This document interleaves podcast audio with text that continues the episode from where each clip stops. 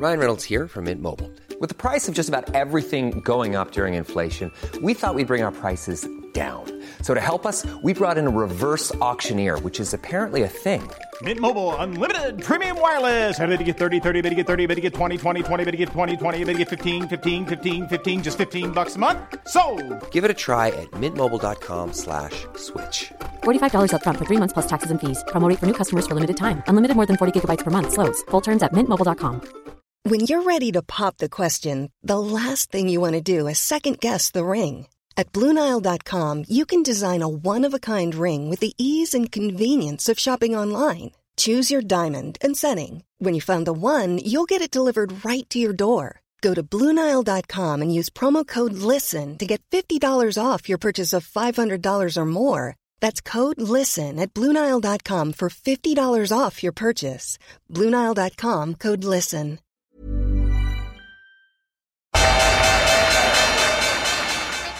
They mistook leverage for genius. Leverage for genius. I would recommend Japan. The governments don't rule the world. Goldman Sachs rules the world.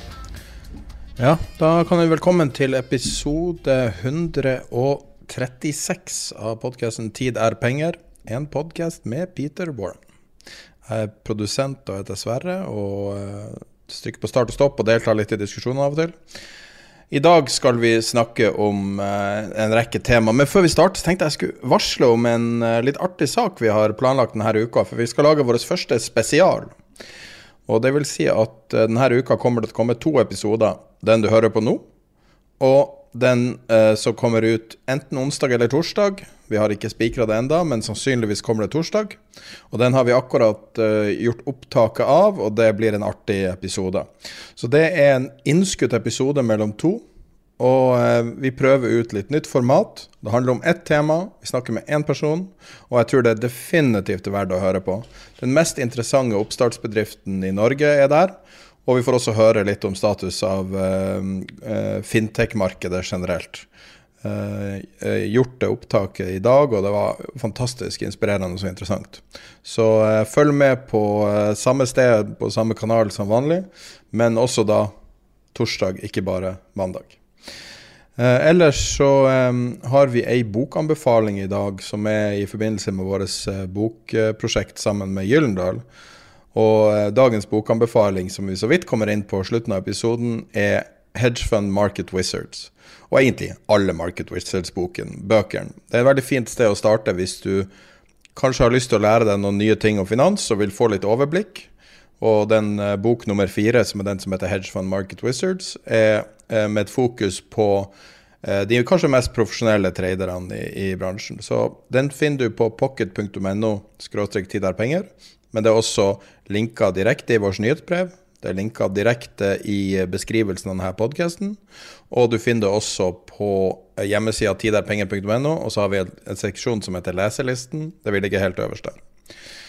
Uh, jeg anbefaler selvfølgelig å fortsatt uh, abonnere på vårt gratis nyhetsbrev. Og uh, vi tror jeg bare går rett i gang med det her som ble en Ganske interessant episode, mange tema. Det er mye som har skjedd. Aksjer eh, har hatt et heftig uke. Krypto hadde en heftig helg.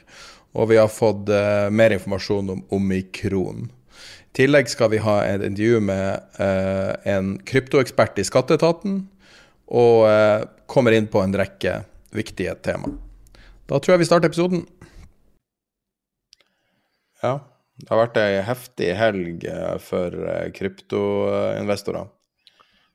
Ja, det får en si. Um, hvis du uh, Altså, hva fallet Altså, fallet fra toppen denne gangen er, er, på Eller var fra topp til bunn, eller topp til foreløpig bunn, var vel på rundt 39% og det er vel det femte fallet, tror jeg, over 30% hittil i år, da, bare så, å si det. Uh, men det var ganske brutalt. og det som, uh, det som jeg har sett nå ved, ved flere anledninger, det er at det er ofte i weekenden, altså når eh, banker er stengt, at du får disse, disse kraftige fallene. Dette er på ingen måte første gang vi har, vi har, sett det. Og jeg lurer jo da på om det er noen som ønsker nettopp å utnytte at det er vanskelig å Altså, du får ikke overført penger hvis du får et marginkrav så ikke altså, og, så, så, er det vanskelig å overføre penger i helgen enn det det er på en, på en vanlig arbeidsdag. Er, altså, jeg må jo si at jeg blir litt sånn konspiratorisk i tankegangen når, når jeg ser det skje nå igjen. Og det var jo, det var jo saftig. Det var vel bare Altså fra fra altså natt til lørdag så var det vel, var det, vel ja, jeg, Det kommer an på hvilken valuta, men det var sånn røftlig 20 eh, fall på, eh, på bitcoin. Og så var det eh, tilsvarende Det var mer på bl.a. Solana og de, altså Idet bitcoin brøt de, Man påsto at det var denne 50 000 dollars-grensen. Uh, Galaxy uh, Digital var jo ute og sa at, at dette falt sammen med en, en, konferanse i Miami, slik at, var, at, mange aktører var der. Altså, jeg vil jo ikke tro at det skulle nødvendigvis forhindre det, men jeg ser jo mer det som en, en unnskyldning. Men apropos, apropos Galaxy Digital, altså det, denne kryptoinvesteringsbanken Uh, som Mike Novogratz, altså tidligere uh, hedgefond- og private equity-forvalteren uh, fra New York, Mike Novogratz har, og som de sitter i, i San Francisco, så var det egentlig en ting som var veldig interessant der. Og det var at Galaxy Digital var ned 25% tror jeg, på fredag. Altså kursen på Galaxy faller 25 på, på, på fredag. Og så kommer da kryptofallet i helgen. Det er, det er, mulig at det er tilfeldig, men det var jo merkelig at, at det selskapet uten noe særlig uh, annen informasjon Altså, jeg vet at de skulle ut med Jeg vet at de har tenkt å hente inn en halv milliard dollar gjennom uh, i obligasjonsmarkedet, men jeg tror ikke at, at det skulle påvirke aksjen nødvendigvis uh, negativt pga. det. Galaxy driver jo som en, en kryptobank. De driver Eh, de er tradere av, eh, tradere av krypto, de er marketmaker i, i kryptomarkedet. De har venturefond i kryptomarkedet, så de er, de er virkelig store, store, players i eh, kryptomarkedet. Har gjort mye for å utvikle, utvikle det, det, markedet. Men jeg, jeg, jeg, tenkte på det. altså når, når, den var ned så mye på fredag, på det tidspunktet så hadde vi jo ikke startet dette, dette dramatiske fallet. Og så fikk du Og det gjorde det er, eneste, det er veldig, veldig sjelden at jeg kikker på, på, på kryptokurset på, på, telefonen. Uh, fordi jeg har Altså, på en hverdag så vil jeg ha informasjon foran meg uansett. Um, men uh, men idet jeg våknet Jeg vet ikke om det var underbevisstheten eller hva. Tidlig på, på lørdag morgen så, så kikker jeg på det, og da ser jeg det, det, det fallet. Og Da var det så lenge siden jeg har vært inne på den der appen at jeg måtte, at jeg måtte dokumentere at jeg var jeg, for, for, å kunne komme inn. Ja, det var, nei, det var, jeg hadde også en sånn uh, sengesjekk av, av uh, krypto.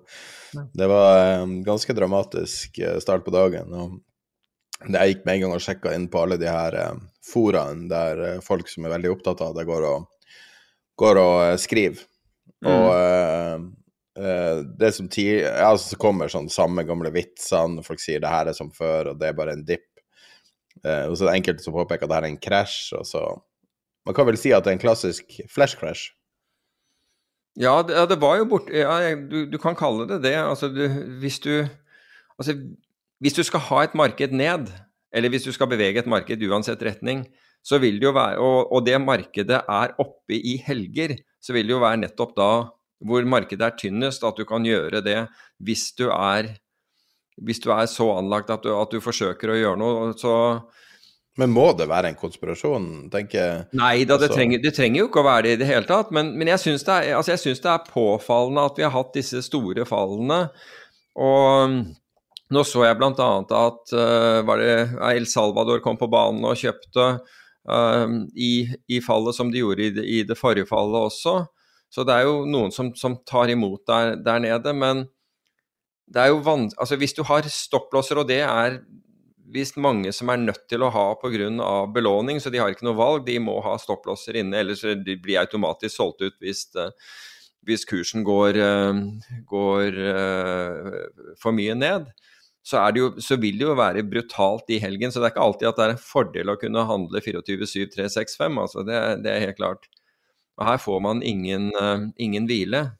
Men i, for øvrig, og i, i samme abonnement, abonnement, i samme moment, så leste jeg en, en artikkel forleden, fordi vi, vi har jo bl.a. snakket om at det har vært så lite volatilitet i finansmarkedene at det er få som har erfaring med risiko. Uh, altså Vi må jo tilbake, langt tilbake i aksjemarkedet, altså bortsett fra under, under covid i fjor. Men altså blunket du i to minutter, så, så fikk du nesten ikke med deg. Men som, som, har, som, har, opplevd ordentlige, ordentlige fall og måtte, måtte håndtere risiko. Og, og, det har jo med at sentralbanker kjapt kommer på banen og, og, beveger markedet opp igjen. Så var det da en artikkel hvor en var, var, helt uenig i det, for han sa at de fleste unge mennesker i dag de investerer ikke i Dette er vedkommendes uh, påstand. Investerer ikke i aksjer, de investerer i bl.a. krypto. Og der har de hatt denne altså store svingninger, og det er jo helt riktig at man har hatt. Så konklusjonen som vedkommende uh, kom til, da, var at uh, tvert imot så unge mennesker i dag har, har plenty av erfaring i å håndtere risiko. For altså enten så var de blåst ut av kryptomarkedet, hvis de hadde tatt for stor risiko ved disse, disse korreksjonene altså er det, er det, det, er i hvert fall over tre korreksjoner som har vært på over 80% siden bitcoin, eh, bitcoin oppsto. Um, det kan hende at det er fem, bare, bare så det er sagt, men jeg vet i hvert fall at det, at det er, er, eh, tre. Og det er klart at Hvis du har klart deg, hvis du har drevet og investert i denne perioden og har klart å håndtere den risikoen noenlunde fornuftig, slik at du har klart å, å, å tjene penger uh, uh, og, og, uten at du har blitt blåst ut av markedet, altså du har klart å, å være med, så har du faktisk håndtert risiko. Så jeg syns egentlig jeg hadde oversett akkurat det, fordi Og der viste det bl.a. til en statistikk hvor unge mennesker, altså hvor mange som da hadde investeringer i i krypto. Det sto ikke noe om hvor mye de hadde i, i eventuelt i vanlige aksjer, men de hadde i hvert fall betydelige investeringer i, eh, i, krypto. Så det kan hende at vi har en generasjon av eh, able eh, og kapable risikotagere eh, der ute som, uh, som, i hvert fall jeg ikke har tenkt på før, før, da, før jeg leste den artikkelen. Litt djevelens advokat der. Mm. Uh, de krasjene du snakker om, skjedde jo mange av dem for mange år siden. Og um, kryptomarkedet har jo endra seg ganske mye, og ikke minst blitt uh, ganske mye allemannseie. Uh, mm. Senere i episoden så har vi et intervju med en, en ekspert på temaet, og, og han delvis verifiserte antakelsen om at det er i overkant av 300 000 nordmenn som eier krypto. Og hvis du sammenligner med aksjer, så er det 530 000. Så det jeg vil si, er at uh, det er ikke lenger ei homogen gruppe som er vant til 80 svingninger og alle de tingene som det har vært på en måte fram til et visst punkt. Nå er det, uh, nå er det bare markedsdeltakere, og kanskje med en, uh, med en overvekt av yngre mennesker. Um, så jeg tror at ei stor svingning nå vil ikke nødvendigvis oppleves som uproblematisk i det hele tatt. En stor svingning i, kry i krypto, mener du? Ja, og at altså, folk vil, er veldig gira også. Ja, men altså når du har da en, en svingning som er nesten 40% altså som, og, og, det er vel på under en måned så har, har kryptoprisen falt med, med, med 40% altså topp til bunn. Hvis du da har hatt belåning på den, så har noe skjedd med deg. Altså, da er det helt opplagt at uh, du har, altså, har, har, har du én gang belåning, så er du ned 80 Uh, eh, du har veldig lite, altså, Og de 20% igjen, altså den som har lånt deg pengene, vil da garantert kreve at du fyller på den. Så, så da enten så har du pengene, eller så er du ute av markedet. Så jeg, jeg vet ikke om jeg er enig. Altså, jeg tror hvis du ikke har nedskalert risikoen din i forhold til eh, det som har skjedd, jeg er helt enig, altså du må vel tre eller fire år tilbake for å, for, for å ha en korreksjon som, som, på, ja, som var over 80 uh, Men du har hatt nok altså I forhold til da aksjemarkedet, da, så har du i hvert fall hatt vesentlig har du blitt vesentlig mer testet i kryptomarkedet enn du har blitt der. Og når vi da bare ser de rentesvingningene vi har hatt, disse svingningene av naturgass, og hvilke konsekvenser det har hatt på fond som er blitt nedlagt og alt mulig sånn. Dette er jo bare det siste. Så er det helt klart at uh, du, du, Jeg tror du sitter med to grupperinger av mennesker. De som, de som definitivt ikke er, er, vant til å håndtere uh, mye risiko, og disse som da og, og, disse kryptoinvestorene som har det, altså som opplever dette her eh, regelmessig. De opplever regelmessig store svingninger. Så jeg, jeg, altså Når du sier at hva du sa, det var 500 000 mennesker som eide aksjer i Norge, og så er det 300 000 som eier krypto ja, altså den andelen, altså Bare den, den, andelsforskjellen der, altså det at det er så mange som eier krypto i forhold til det, de, det som eier aksjer, tilsier jo at du har en hel generasjon her som faktisk har følt på dette med, med, med betydelig risiko. Eller du har en vanvittig overlap mellom å eie aksjer eller eie krypto, at det nå er blitt mainstream å eie krypto, sånn at det er bare nok et verdipapir? Det, er, der tror jeg du har rett. Altså, tror, altså, I Norge så virker det ikke som det er veldig mange av de, av de samme, men, men, jeg tror at det, det går den veien du, du, påpeker, og det er definitivt gått den veien ute. For der ser du jo at institusjonelle investorer Uh, til, og med, uh, til, og med, statlige fond har andeler i kryptomarkedet, riktignok små, og det er jo fornuftig når det svinger så mye som, uh, som de gjør, men de har, deler, de har, en del av porteføljen sin allokert til, til ulike, om det er kryptovalutaer eller selskaper som innenfor blokkjede eller hva, hva, som helst. Det, det, det, det kan være begge deler. Men du ser jo at den andelen definitivt er på vei oppover. Um, Fidelity er jo en av de som har, som har, uh, som har engasjert seg i dette. Altså det, er jo en av verdens største uh, forvaltningsforetak. Altså det er jo ikke BlackRock, men altså jeg mener også at BlackRock har, har noe innenfor, innenfor krypto. Jeg tror alle opportunister har forstått verdien av det her, og jeg vil jo se på dem som følger enhver trend hvis, hvis det kan lede til overskudd. Så jeg vet ikke om de tar noe spesielt valg. altså det er jo Størrelsen på markedet er jo noe så stort at det ikke kan ignoreres. Mm. Men uh, jeg føler nesten at vi er der at uh, krypto korrelerer jo såpass mye med tradisjonelle markeder nå i utgangspunktet, og er blitt en interessant proxy for markedet når det er stengt i helgen.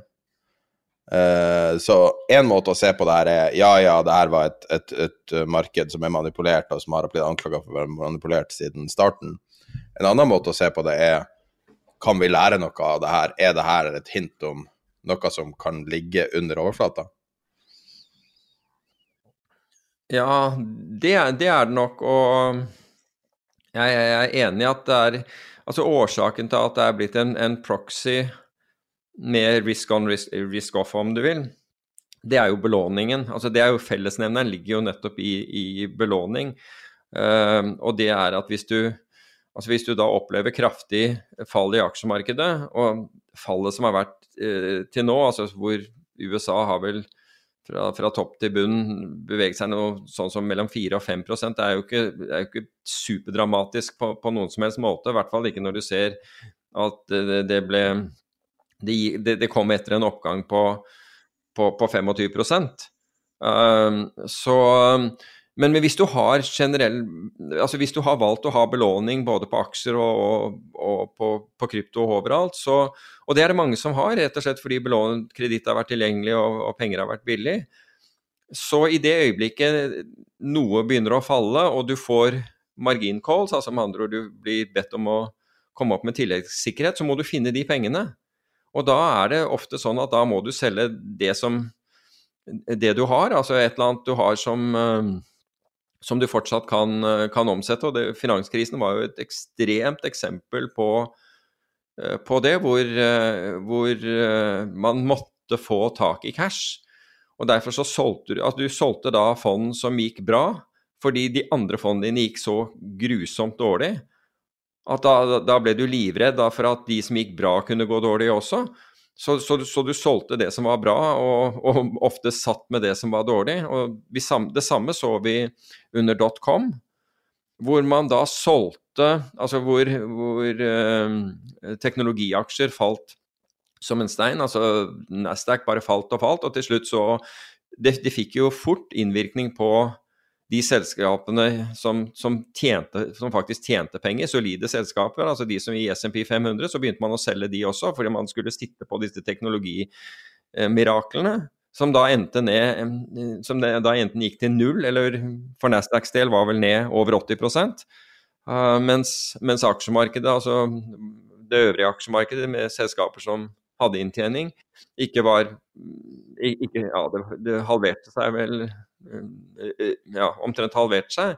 Så igjen så var det jo det riktige var jo faktisk å selge det som, det som faktisk gikk ned og ble sittende på, på, på verdi, men det, var, det, er ikke sånn folk reagerer når Både psykologisk og når de får da beskjed om at nå må du stille mer penger, ellers så, ellers så selger vi ut posisjonene dine.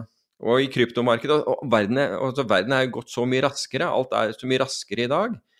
Og det er jo en den konsekvensen altså Tidligere så, så, gikk det kanskje et par dager før du fikk en margin call.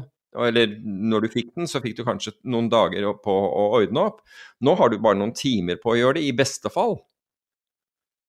Og det er jo også noe som påvirker markedene, og er en del av dette med en svekket infrastruktur i, um, i annenhåndsmarkedet, som jeg skrev en, en blogg om i, i, går også, som ble igjen tatt opp Eller var heldig, det ble tatt opp der tror vi var inne på det sist. altså det er, det er et amerikansk forvaltningsselskap som heter Wellington, som hadde dratt ut noe statistikk på det, og den er blitt gjengitt i mange aviser. Men saken er at altså, i 2010, som jeg viser til i, i, den, i den, bloggen hvor vi hadde flash crash, den, den illuderte hvor svakt markedet, altså strukturelt svakt markedet var blitt når, i og med at banker var blitt eh, var, eh, ikke, ikke, lenger fikk, eh, fikk ta, ta, risiko i markedet som de pleide å gjøre, og du ble overlatt da til high frequency-tradere som er lavt kapitalisert og ikke har tenkt å sitte på risk over, over noe annet enn noen sekunder hvis de, hvis de, kan. og Det betyr jo at det er ikke reelle kjøpere i markedet. Og Hvis vi kan gå da samtidig til, til aksjemarkedene i forrige uke, så hvis du ser på de internasjonale markedene, det var ekstremt dårlig likviditet i de markedene. Du så at, at med en gang det kom inn eh, salgsordre, så forsvant kjøperne. Med en gang det kom inn kjøpsordre innimellom, så forsvant, kjøp, eh, så, så forsvant selgerne. Fordi de, trenger, for de som stiller priser i disse markedene, trenger noen å, å Hvis de kjøper, så trenger de noen å umiddelbart selge dette til. Og dette skjer til tross for at vi kan da lese at 100 milliarder dollar ble kjøpt, altså netto, av, av spekulanter i aksjer i, for, i, forrige uke. Til tross for det så er markedet ned, og 10 milliarder dollar ble tegnet, nettotegnet i amerikansk aksjefond. Til tross for det, altså, så Det var på ingen måte nok til å ta imot, og allikevel så, så faller markedet unna vi hadde liksom litt over 2% ned på Nasdaq, og, og SMP var vel nedi der også, men, men, klarte seg litt bedre mot, mot slutten av dagen. For det kommer inn, inn, da kjøpere mot close eller et eller annet sånt. Og ser man på SMP 500, så, så vil du kanskje ha en ti eh, figurers bevegelse, altså det vi kaller handles, altså et helt, et helt punkt. Altså den futuren handler i, kvart, eh, i, kvartinger, men et helt punkts bevegelse. Eh, du hadde Normalt sett så kunne du kanskje ha en sånn ti punkters bevegelse, ti handle-bevegelse, eh, innenfor 15 minutter. Det, det kunne du ha én til to ganger om dagen. Ikke hver dag, men, men, ofte så hadde du det, og det var gjerne i forbindelse med åpningen.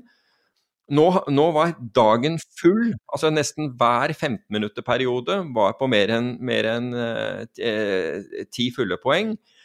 Og på det verste på SMP-en så så vi 50 poeng på, på 15 minutter. Altså det, er helt, det er en vanvittig mye større bevegelse enn det vi har sett på lenge.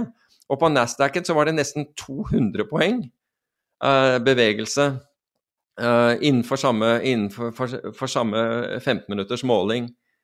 Så, og du ser det på trend også. altså du På uh, rangen, altså, uh, altså topp til bunn per dag, altså hvor mange poeng det er fra topp til bunn i løpet av en handelsdag. altså Tenk deg et bar-chart.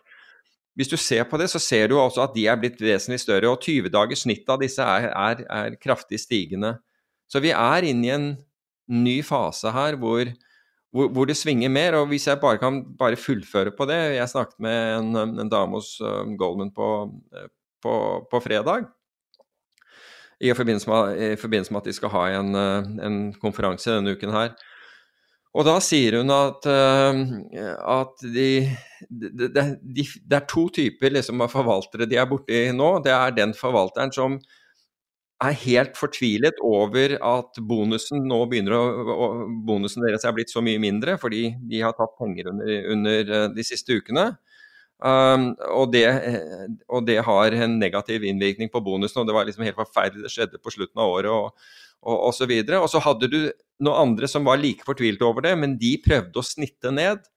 Og hun sa felles for begge disse her at de har ikke tenkt å sitte på den risikoen Dette, de vil ut så fort de kan. Altså, hvis de snitter ned og de kommer opp, og, og de kommer opp mot, mot, gjennomsnittet som gjør at da bonusen ville, ville være det den, de, de, hadde håpet å få, så vil de redusere, altså komme seg ut av markedet igjen. Og de har ikke råd til å sitte med disse posisjonene. I det øyeblikket dette går videre nedover, så, så blir jo bonusen enda mindre og kan, og kan sågar hende borte.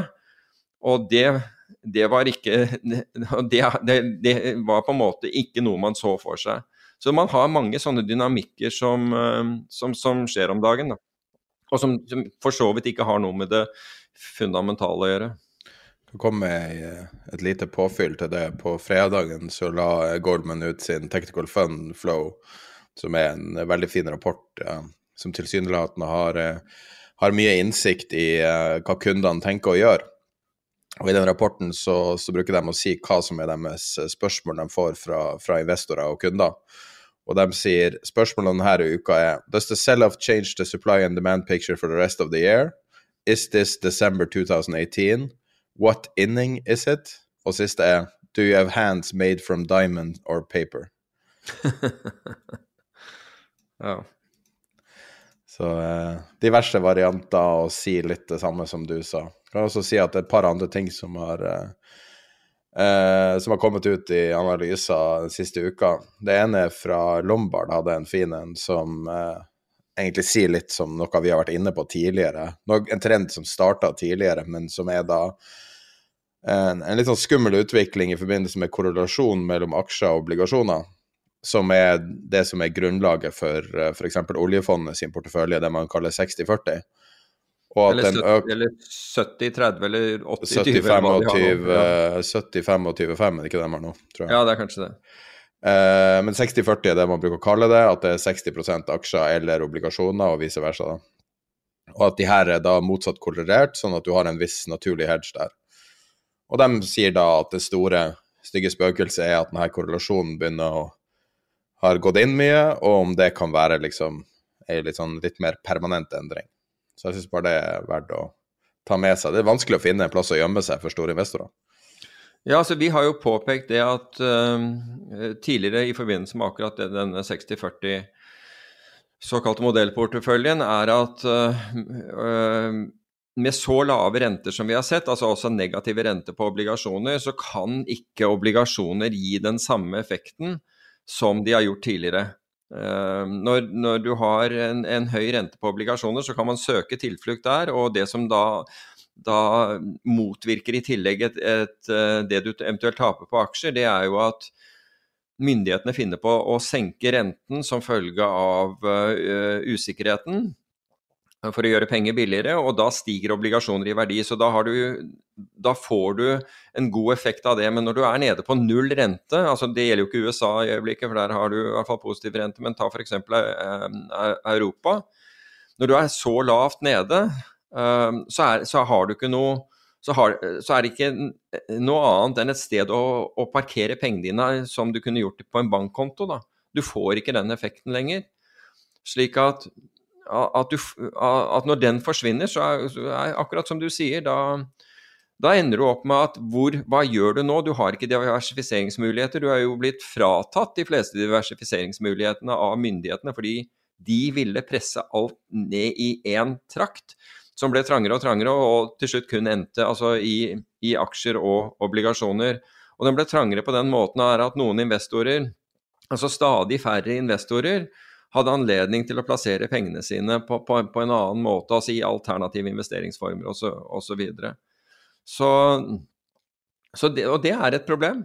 Men det er et problem. Altså det er en dette er en situasjon som vi vet ville oppstå. Det er ikke som at det plutselig oppsto. Vi, vi, har visst det, det er en konsekvens, det er en, rett, og slett en matematisk konsekvens. Men ingen har brydd seg om det. Ingen har på en måte vært villig til å tenke nytt. Alt skal bare presses ned der. Da gjør vi det, og så, og så kjører man på med kvantitative rettelser og, og, og verdipapirkjøp fra, fra, myndighetenes side, og så, så, går alt bra. Men på et eller annet tidspunkt så må jo dette her ta slutt. Og da, da gjelder det at ikke den renten er ekstremt lav på det tidspunktet, for da har, da har du ikke noe å anvende. Da, da, er du enten i aksjer, eller så er du i, uh, i cash. Vi kommer vel tilbake til eh, Fed om et bitte lite øyeblikk, som da sier at det her er, der er slutt. og, uh, men, da tenker jeg at Powell skulle være den som var den siste til å skjønne at, at, at transitory ikke var, ikke var, det. Altså, han var jo hardnakket at dette var forbigående inflasjon. Ja. Og dette skal være liksom den som sitter på toppen av sentralbanken, en av de smarteste økonomene i, i, i landet. Du, kan ikke vi være litt forsiktige med å bruke ord som smart? Hvordan, hvordan vet vi det, egentlig? Nei, det, ja, altså, nei, det er jo en Jeg mistenker fortsatt at det ikke eksisterer noe som heter geni eller smart. Jeg nei, tror det er den tittelen folk får, men hva det betyr? Betyr det å ha flaks? Betyr det å havne i den posisjonen? Jeg vedder på hans evne til å håndtere corporate-kultur er minst like viktig som hans mentale kapasitet for å havne som sentralbanksjef. Ja, eller corporate-kultur, eller i hvert fall Han må jo håndtere politikere og, og, og, den tidligere presidenten måtte han håndtere. Det var egentlig da jeg følte at det glapp, altså når han ga etter for, eh, for Trump. Før det så følte jeg jo at han, han var rett mann på rett plass, men i det øyeblikket han ga etter for, for Trumps ønske, da, da, skjedde det noe, og han har på en måte ikke klart å gjenreise den tilliten etter. Men, uh, men det var jo noe som gikk til ny all time high i forrige uke, for øvrig. Ja, hva da? Carbon, altså karbon. Ja. Altså til jeg, You Henry. ja, det, det touchet 80, 80, euro per tonn i forrige uke, altså disse karbonsertifikatene. Så, så det, er, det er noe som går opp i dette her. Men uh, hva, jeg husker ikke hvordan dag det var at uh, meldinga kom at uh, Powell sier at ikke bare skal vi tapere, altså redusere støttekjøp, men vi skal også gjøre det fortere, med et par måneder enn tidligere indikert. Mm. Og, og, det signalet der altså for, jeg, jeg, lurer på om det er en viss recency bias i folk sin evne til å vurdere risiko. Så omikron som nå med hvis data tilsier at det ikke er det krisescenarioet som man eh, spådde at det kunne være, at det ikke at vaksiner slutter å fungere, f.eks. Eh, men at det viser seg at det sprer seg fryktelig mye mer. Nå har vi ikke noe data mer enn det som står i avisa, men hvis vi skal oppsummere, så er det vel omtrent sånn. Lavere dødelighet, høyere, vesentlig høyere smittsomhet. Det er vel det som er eh, summen av det. Men eh, det jeg lurer på, er at folk sliter med å veie opp de her to riskene som investorer. Der du har det er helt nye, umulige å forutsi utfallet av, som er slutten på støttekjøp, slutten på taper, slutten på stimuli, slutten på manipulasjon, eller en ny variant. Og friskest i minne en ny variant, Delta som var den forrige store, og også da innledning Altså når, når korona kom, det er jo under to år siden. Så det husker vi jo. Så vi har liksom en sånn her eh, refleks. Short eh, flyselskaper, short cruise. Nå skal vi alle gjøre det og det og det. Så det blir litt sånn Vi, vi bare vet det. Det er en sånn fast rutine. Mens uh, The Devil You Don't Know, som er uh, at, at, Fed skal kutte, det blir måte skjøvet litt i bakgrunnen. Men det er jo helt åpenbart det største problemet for investorer nå. Sånn som jeg ser det, i hvert fall. Altså, jeg tror jo at du har du har, du, har, du, har, eh, du har, to biaser her, og jeg er veldig enig i at recency bias er en av dem. Og så har du den derre biasen til, de, til, hva som er bra for deg um, oppi det hele, fordi du har jo en Du ser nå at de som har anbefalt aksjer på basis av disse støttekjøpene. Altså 'don't fight the Fed', være med på dette. Her var det bare å kjøre én vei. Og de ville komme inn og støttekjøpe, og det var ikke noe problem. Der har du, der har du mange som har, eh, som har, eh, vært i den campen, fordi det er jo det som har skjedd siden 2009, så det er ikke så rart at du, at du er der. Men så ser vi nå, og det, nå vil jo egentlig være syretesten, da, hva når de da skal slutte med den der støttekjøp. Så du får ikke, den, du får ikke denne, denne, hjelpen lenger. Da vil du, du tro at de, de, samme menneskene, altså hvis de var nøytrale egentlig i forhold, og at, at det, som, det, som, teller er, er uh, hva, hva sentralbanken gjør, da vil du tro at de ville si her skal man være forsiktig, kanskje man skal ta gevinst eller et eller annet sånt. Men nei. Nå er ikke Fed plutselig blitt så viktig lenger. Det, det, ser du i kommentarene fra disse. Det er ikke så viktig lenger. Det er andre ting man kan se på, og det er ikke så farlig. Nå gjelder Man skal fortsatt drive og kjøpe, og man skal fortsatt drive og sitte, og, og det, det, er, det er en sånn men, klar mental bias du har. Du har du data på det her? Det var interessant. Jeg har aldri hørt den observasjonen før.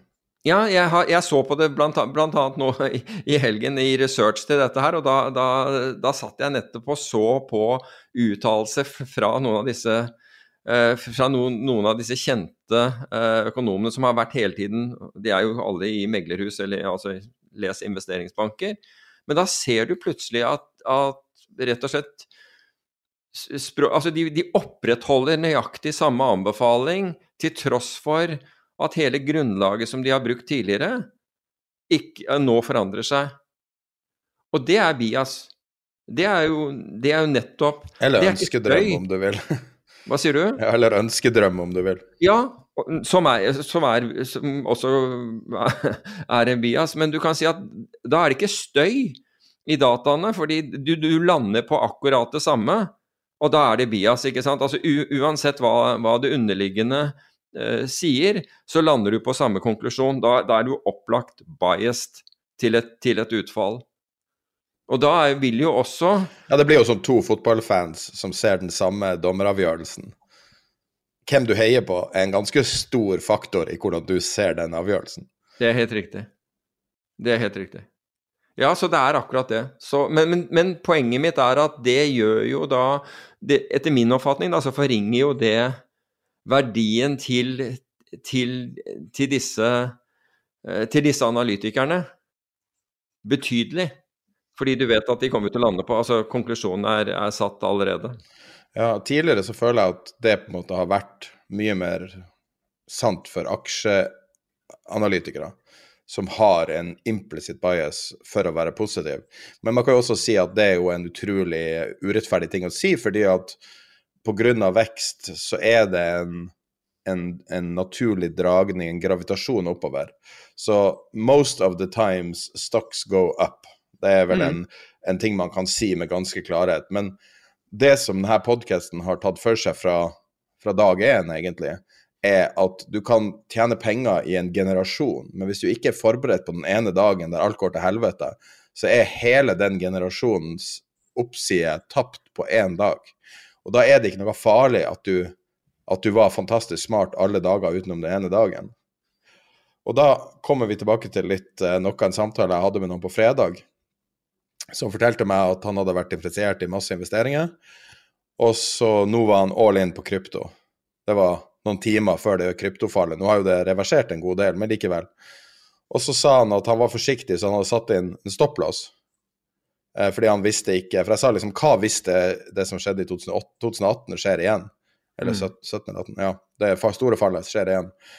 Eh, og så sier han at han har satt, faktisk satt en stopplås nå, fordi at han, han, vet at det svinger mye, og stopplås kan være negativt.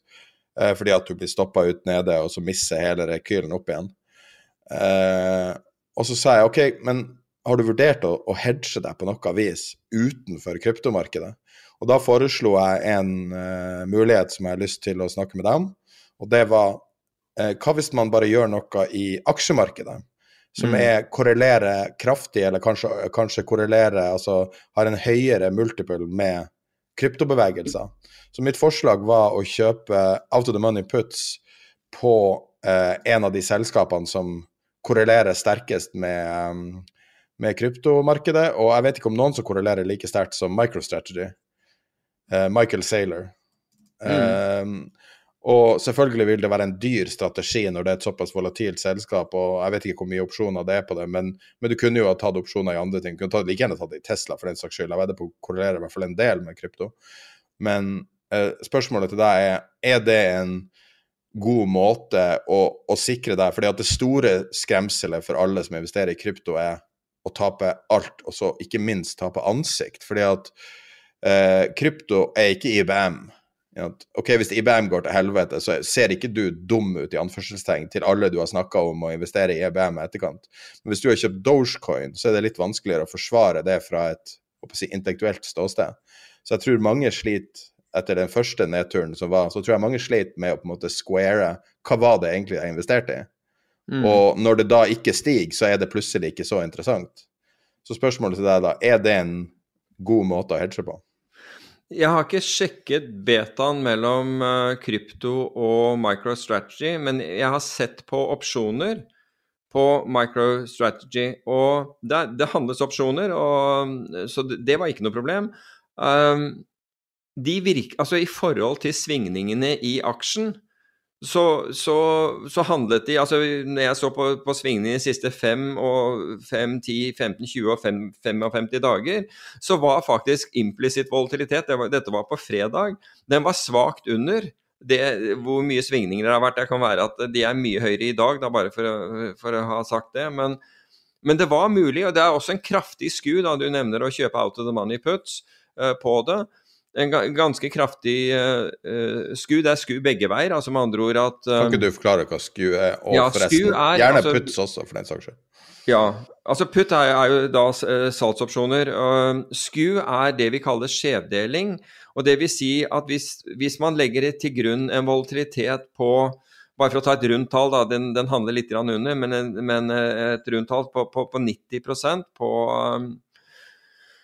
på, på, opsjonene på MicroStrategy så er det opsjoner med, med innløsningskurs lik dagens aksjekurs vi snakker om. Så da, det vi kaller at the money-opsjoner.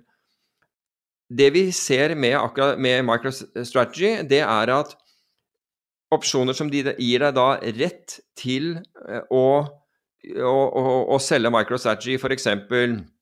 30% ned eller 20% ned, alt avhengig av hvor langt uh, Altså hvor du vil ha disse opsjonene. Ja, altså forfall, handler... forfallsdatoen du mener, ikke sant? Hva sier du? Forfallsdatoen. Hvor langt fram i ja, tid? Jeg så, jeg så på mars uh, for ja. desemberne. Jeg lurer på om de hadde noen desemberopsjon som forfalt nå på, på, fredag, så de var ikke så veldig aktuelle å se på. Jeg vet bare at mange lyttere ikke er komfortable med opsjoner, det er derfor jeg bare terper på detaljer. Ja, det er veldig bra. Det er veldig bra at du gjør, fordi uh, Og det fins også opsjoner for januar og februar. Hvorfor jeg ofte velger mars, det, eller disse kvartalsvise tallene, det er fordi, fordi, det er mange opsjoner. Det er mange selskaper som har opsjoner med kvartalsvise forfall. Indeksene bl.a. har Hvis du tar SMP 500 uh, futures og opsjoner, så, så vil du se future-kontraktene. Den neste future nå, det er en som forfaller nå i desember, og så neste forfaller i mars. Det er, så det er mer aktivitet i de store forfallene enn det er i, i de mindre forfallene. Det betyr ikke at du nødvendigvis må bruke dem. Eh, men du, du kan bruke januaropsjoner. Men, men, i hvert fall det jeg så på, var at jo kortere tid du hadde igjen, det, det, det, det brattere var den skuen. Så hvis, hvis, den volatiliteten du betalte, som er, som er, en av de faktorene som påvirker opsjonsprisen mest, altså det er hvor mye svinger dette, som, var, som jeg da nevnte var på 90, så var den vesentlig høyere for opsjoner som, som, hvis du skulle kjøpe det vi kaller out of the money-opsjoner, altså når det gjelder salgsopsjoner, så betyr det opsjoner med en innløsningskurs under dagens kurs. F.eks. 20% under dagens kurs eller 30% under dagens kurs. Og, når, og, av og til så er den kurven så bratt, altså med andre ord at, at den volatiliteten er så mye høyere på disse opsjonene, for veldig mange ønsker å kjøpe dem, disse out of the money-opsjonene. Slik at det, er faktisk bedre at du kjøper at the money-opsjonene, f.eks. til 90% volatilitet, som jeg nevnte, og heller utsteder Opsjoner 30-40% lenger nede. Så da betaler du differansen, og du må ikke stille sikkerhetskrav for dem, fordi du eier en opsjon som da har større verdi enn den du utsteder. Um, Utsteder hvor hen, sa du? På f.eks. out of the money på microstrategy, så la oss si Altså at du, du over kurs. Hva sier du? utstedet kjøpsopsjon Nei, nå jeg nei, nå snakker jeg om put-opsjon. Nå, nå kjøper du en at the money Ah. put-opsjon, altså en put-opsjon som gir deg retten til å selge microstrategy til den kursen den har i dag. Og den kjøper du, og så utsteder du f.eks. en opsjon som gir deg retten eh, Som gir noen andre retten, da, til, fordi du utsteder den, eh, til, til å selge eh, microstrategy. La oss jeg husker ikke hva er røftlig hvilken eh, kursen på microstrategy i øyeblikket, bare så jeg ikke surrer helt 584. Hva sier du? 584. Ok, jeg, jeg mener at den lå rundt 600 da, da, da. Så la oss si at du tok 600, og så utstedte du så utsetter du 400-opsjonen eller noe sånt, og 400 putten, så da, da kan du da tjene mellom 600 og 400, fordi du har retten til å selge på 600, og noen andre tar fra deg den retten hvis kursen faller til 400. Så det, så det, det kan være mer attraktivt å gjøre det vi kaller en B-spread, eller put-spread, som jeg beskriver der. Altså du kjøper den ene, utsteder den andre, og da betaler du mindre premie fordi du får noe igjen for den, den, den du utsteder der nede, og, og spesielt fordi den er, den er veldig ettertraktet. Så kan du få en ganske god deal på det, og du får en voldsom eh, avkastning, prosentuell avkastning på pengene dine hvis, hvis da kursen går til 400. Hvis den faller lenger ned enn 400, så har du, du har ikke noe problem i, i, i det hele tatt. Altså, du er bare dekket ned til, til, til 400. Og det er ikke sånn at du må stille sikkerhet eller noe sånt hvis den faller videre nedover, så lenge du eier retten til å selge den på 600. Så det er bare den retten på 600, den fratas deg når du kommer ned til 400. Det er egentlig det som, det som skjer. Men med MicroStrategy Så relativt lav hvis hvis du skal utstede opsjoner som er ansett for å være en ekspertting å gjøre, så det her lavere risk. Ja, fordi her utsteder du ikke noen naken opsjon, som det ville være. Det er en veldig avansert ting å gjøre, det er jeg helt enig i. Du utsteder ikke eh, nakent, med andre ord. Da måtte du stilt et voldsomt sikkerhetskrav hvis du skulle bare utstedt den der nede på, på, på, på 400. Men fordi du eier den, så får du ikke det, det, det kravet. Og du har Risikoen din er begrenset til differansen mellom det du betaler i premie på den 600-opsjonen, og det du får inn for den 400-opsjonen. Det det, det er den risken du har. Du har ikke noe mer risiko enn det. Men jeg så også på MicroStrategy at det var også sku til oppsiden på den, hvor out of the money call-opsjoner, altså med kjøpsopsjoner med en høyere med en høyere innløsningskurs enn dagens kurs, de handlet til en høyere volatilitet enn at the money-opsjonene. Men til nedsiden var, var, var, den, var den brattere. Og det egentlig bare forteller deg, altså når markedet priser på den måten, så sier egentlig markedet til deg at vi tror på fordi at det er mer sjanse for en stor bevegelse til nedsiden, en plutselig stor bevegelse til nedsiden, enn til oppsiden. Og sånn prises for øvrig aksjeindekser også, selv OBX-indeksen i, i Oslo, SMP 500 i, i uh, Ja, den priser i Chicago, men den gjelder jo New York-børsen. Um, prises da med en sånn det vi kaller skjevdeling, sku på, på, på fagspråket. Og mens før 1987, altså da markedene da faller over 20% på en dag Før 1987 så ble det priset ganske flatt. Men da lærte markedet at, at det er forskjell på kursfall og kursstigning. Du har aldri sett en 20 kursoppgang i, i SMP 500, men du har sett en, et, et kursfall på, på, på, den størrelsen. Så markedet faller fortere enn en, en de stiger. Men det er også helt riktig som du sa, at markeder over tid viser, viser oppgang. Det er helt riktig. Markeder over tid stiger. Og altså, hvis ikke så ville vi ikke hatt en, en, en, fungerende økonomi, for det betyr jo på en måte at økonomien vår økonomien ekspanderer. 11,58 er den høyeste oppgangen på SMP på mitt datasett. Ok. 2008. Så, ja, så det er under halvparten av, av, av fallet. Den, det, når, når, verst, altså. ja. når skjedde det etter 2009 eller noe sånt? Eller? 2008. 2008, ok. Må bare, jeg må bare rose Infront, altså. Herregud, er, altså, vi, vi, gjør vel egentlig aldri det. Begge oss bruker Infront Professional Trader. Mm.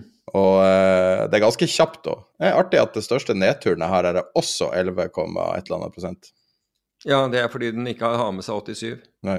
Det går tilbake til i hvert fall 2000 eller noe sånt. Ok. Eh, nei, men det var, det var en veldig god idé du hadde. Nå må jeg også presisere at det er jo ikke en anbefaling, og der er jo allerede relativt avansert. Altså hvis du er Bare å få tilgang til de her markedene i Norge er jo ikke bare bare.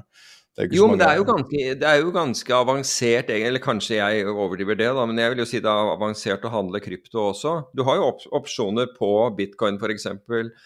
som kan handles, og du har future-kontrakter på, på bitcoin. Så det er mange ting som kan gjøres her, bare så, bare så det er sagt. Grunnen, jeg kan si at grunnen bak det forslaget, det var jo noe jeg, tok det ofte top of my head, da, men ideen var å prøve å hedge seg utenfor kryptoverden. Fordi at hvis først krypto begynner å falle veldig, så gud vet hvordan de her institusjonene står. Mm. Det var det som var tanken bak det. Men hva du sånn, syns ja. om Ja, en ja. sånn tilnærming? Altså, jeg, nå tror jeg kanskje MicroStrategy kan være en grunnleggende Altså mindre attraktiv hedgekandidat fordi at det er så mye fokus på dem, sånn at man skulle tro at uh, du, du, du vil ikke få noen lave priser. altså det vil være en relativt kostbar hedge hvis du sammenligner med noe som korrelerer like bra som ikke så mange har hørt om. Det, kan, det kan være det er Og jeg har ikke testa korrelasjonen, det er bare intuitiv følelse av korrelasjon. Ja, øh, jeg vil jo tro at det er nok en del som tenker likt med deg der, altså som kanskje har kryptoeksponering og, og for alt jeg vet hedger, akkurat sånn som du sier, med, gjennom MicroStrategy, fordi det er et bedre opsjonsmarked. og og, og da binder du og, og da vil det være et clearinghus på den andre siden. altså du, Risken Ja. din er ikke mot et uh, Det er ikke noe mye- Web3 der, for å si det sånn. Hva sier du? Det er ikke så mye Web3 der. Nei, det kan være. Det kan være. Jeg hørte en artig kommentar i en podkast En podkast jeg har hørt på i over ti år, som heter Twit, This Week in Tech. Og da var det en som hadde en artig kommentar om Web3.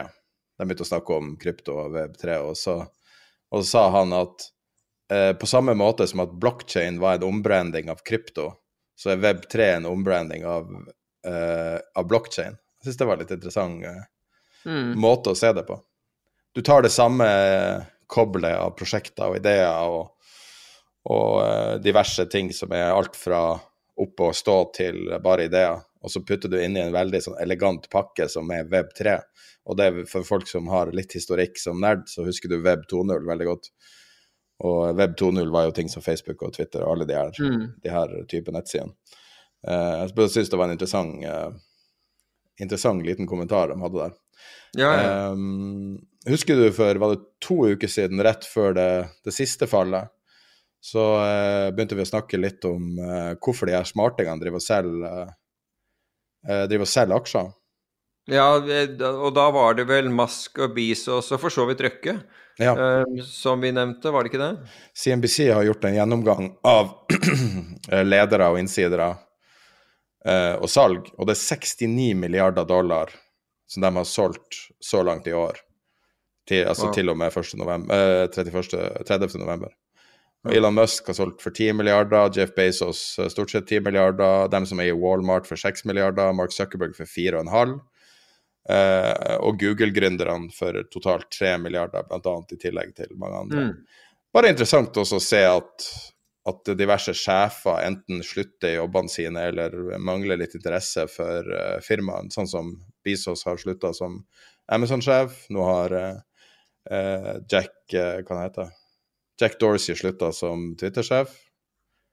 Bare bemerkelsesverdig. Om det er signifikant, det vet jeg ikke, men uh, uh, Nei, altså jeg, jeg syns det signifikante er jo at det er noen veldig smarte mennesker som har, eh, som har valgt å ta gevinst på, på, deler av, på, på deler av verdiene sine.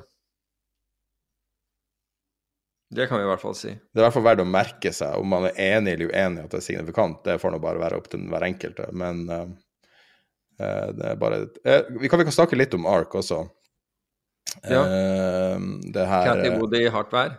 Ja. Det her er fondsselskapet som har vært så elska de siste årene, og, og har jo til en viss grad visst at den teorien som er at kvinnelige forvaltere er bedre enn mannlige forvaltere, det er jo en ganske på en måte Mm. anerkjent teori, og tilbøyelig til å være helt enig i at at jeg, Min opplevelse med kvinnelige investorer er at de kanskje er mer klarsynt og mindre, mindre egodrevet i, i positiv forstand. da.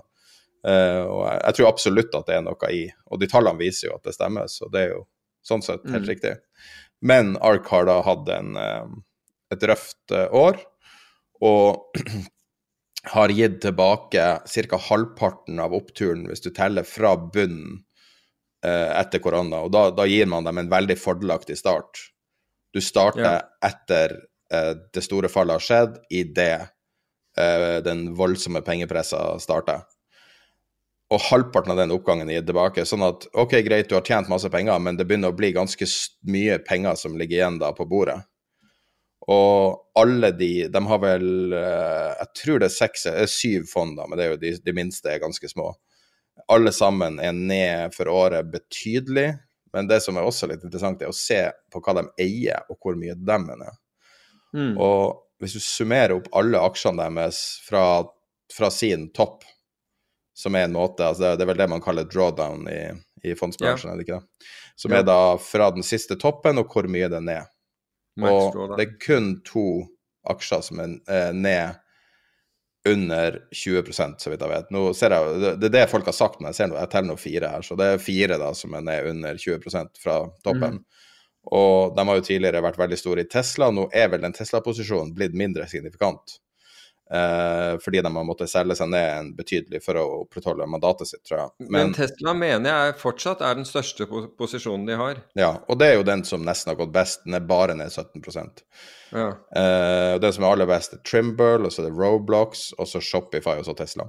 Hvis du begynner å se på andre enden, da, begynner å se på de tingene de eier Stratasys er ned 82% Berkeley Lights er ned 82% Skills med Z er ned 81 Protolabs 80, Kompugen osv. osv. osv. Det er ei stygg liste her, og det er veldig korrelert. Ja, altså, det forbauser meg ikke at det er, korrelert når du, når du, velger å sette, altså satse. og det har vært, altså Dette er jo åpent og klart og vedtatt. At de selskapene de skulle gå inn i, var da selskap, er jo teknologiselskaper som da kunne ha en stor oppside. Eh, men som da gjerne ikke hadde noen som helst eh, inntjening på, på tidspunktet hvor du går inn. Eller inntjening har de, men i hvert fall ikke bunnlinje, eh, positiv bunnlinje. Så det, det, det, for, det, forbauser meg ikke. Og det er jo det fondet. altså Hun har jo ikke gjort Hun har jo aldri skjult hva som har vært målsettingen i det fondet. og det var jo litt av det at hun var villig til at hun ønsket å ta risiko på, på denne type selskaper, um, som gjorde at hun, at hun, sluttet hos sin, um, forrige arbeidsgiver, um, Allianz Bernstein, uh, nettopp fordi de var ikke komfortable med, med, med den risikoen for, for, for sine kunder. Uh, så, og, og, da satte hun opp da sitt eget, uh, sitt eget forvaltningsselskap og, og tiltrakk seg mye penger på det. Så jeg føler jo ikke at hun, har, at hun har gjort noe hun ikke har sagt at hun, hun skulle gjøre og, og, kom til å gjøre, altså. Ja. Nei, og, og, det er jo litt sånn forenlig med det vi ser på um, Tenk deg Wall Street Bets. Når var første gang vi nevnte det i podkasten, tror du? Det begynner å bli noen år siden. Mm. Og um, historisk sett var jo det en sånn kultur som hylla tap mer enn gevinst. Og når du da går inn på Street Bets i dag, så ser du noen uh, forferdelige historier. Og blant annet var det noe i forrige uke en kar som Hvis du går og ser på historikken hans på Reddit, så kan du se hva annet han har skrevet. Og da er det dyr klokke, dyr klokke, dyr klokke, dyr klokke. Dyr bil, dyr klokke, dyr klokke. Og da snakker du klokke til en kvart million stykker. Og mange av dem. Og så, én dag etterpå, legger han ut et innlegg som sier I need help. Og da er kontoen hans minus 300 000 dollar. Altså Og gud vet hva det var han hadde satt på, det husker jeg ikke. Men han har gått på et veldig kortsiktig bet med enorm size, og det har gått feil. Ja. Og gått i minus. I durable minus. Da begynner de klokkene å se ganske dumme ut, altså, når de står der og geiper til deg.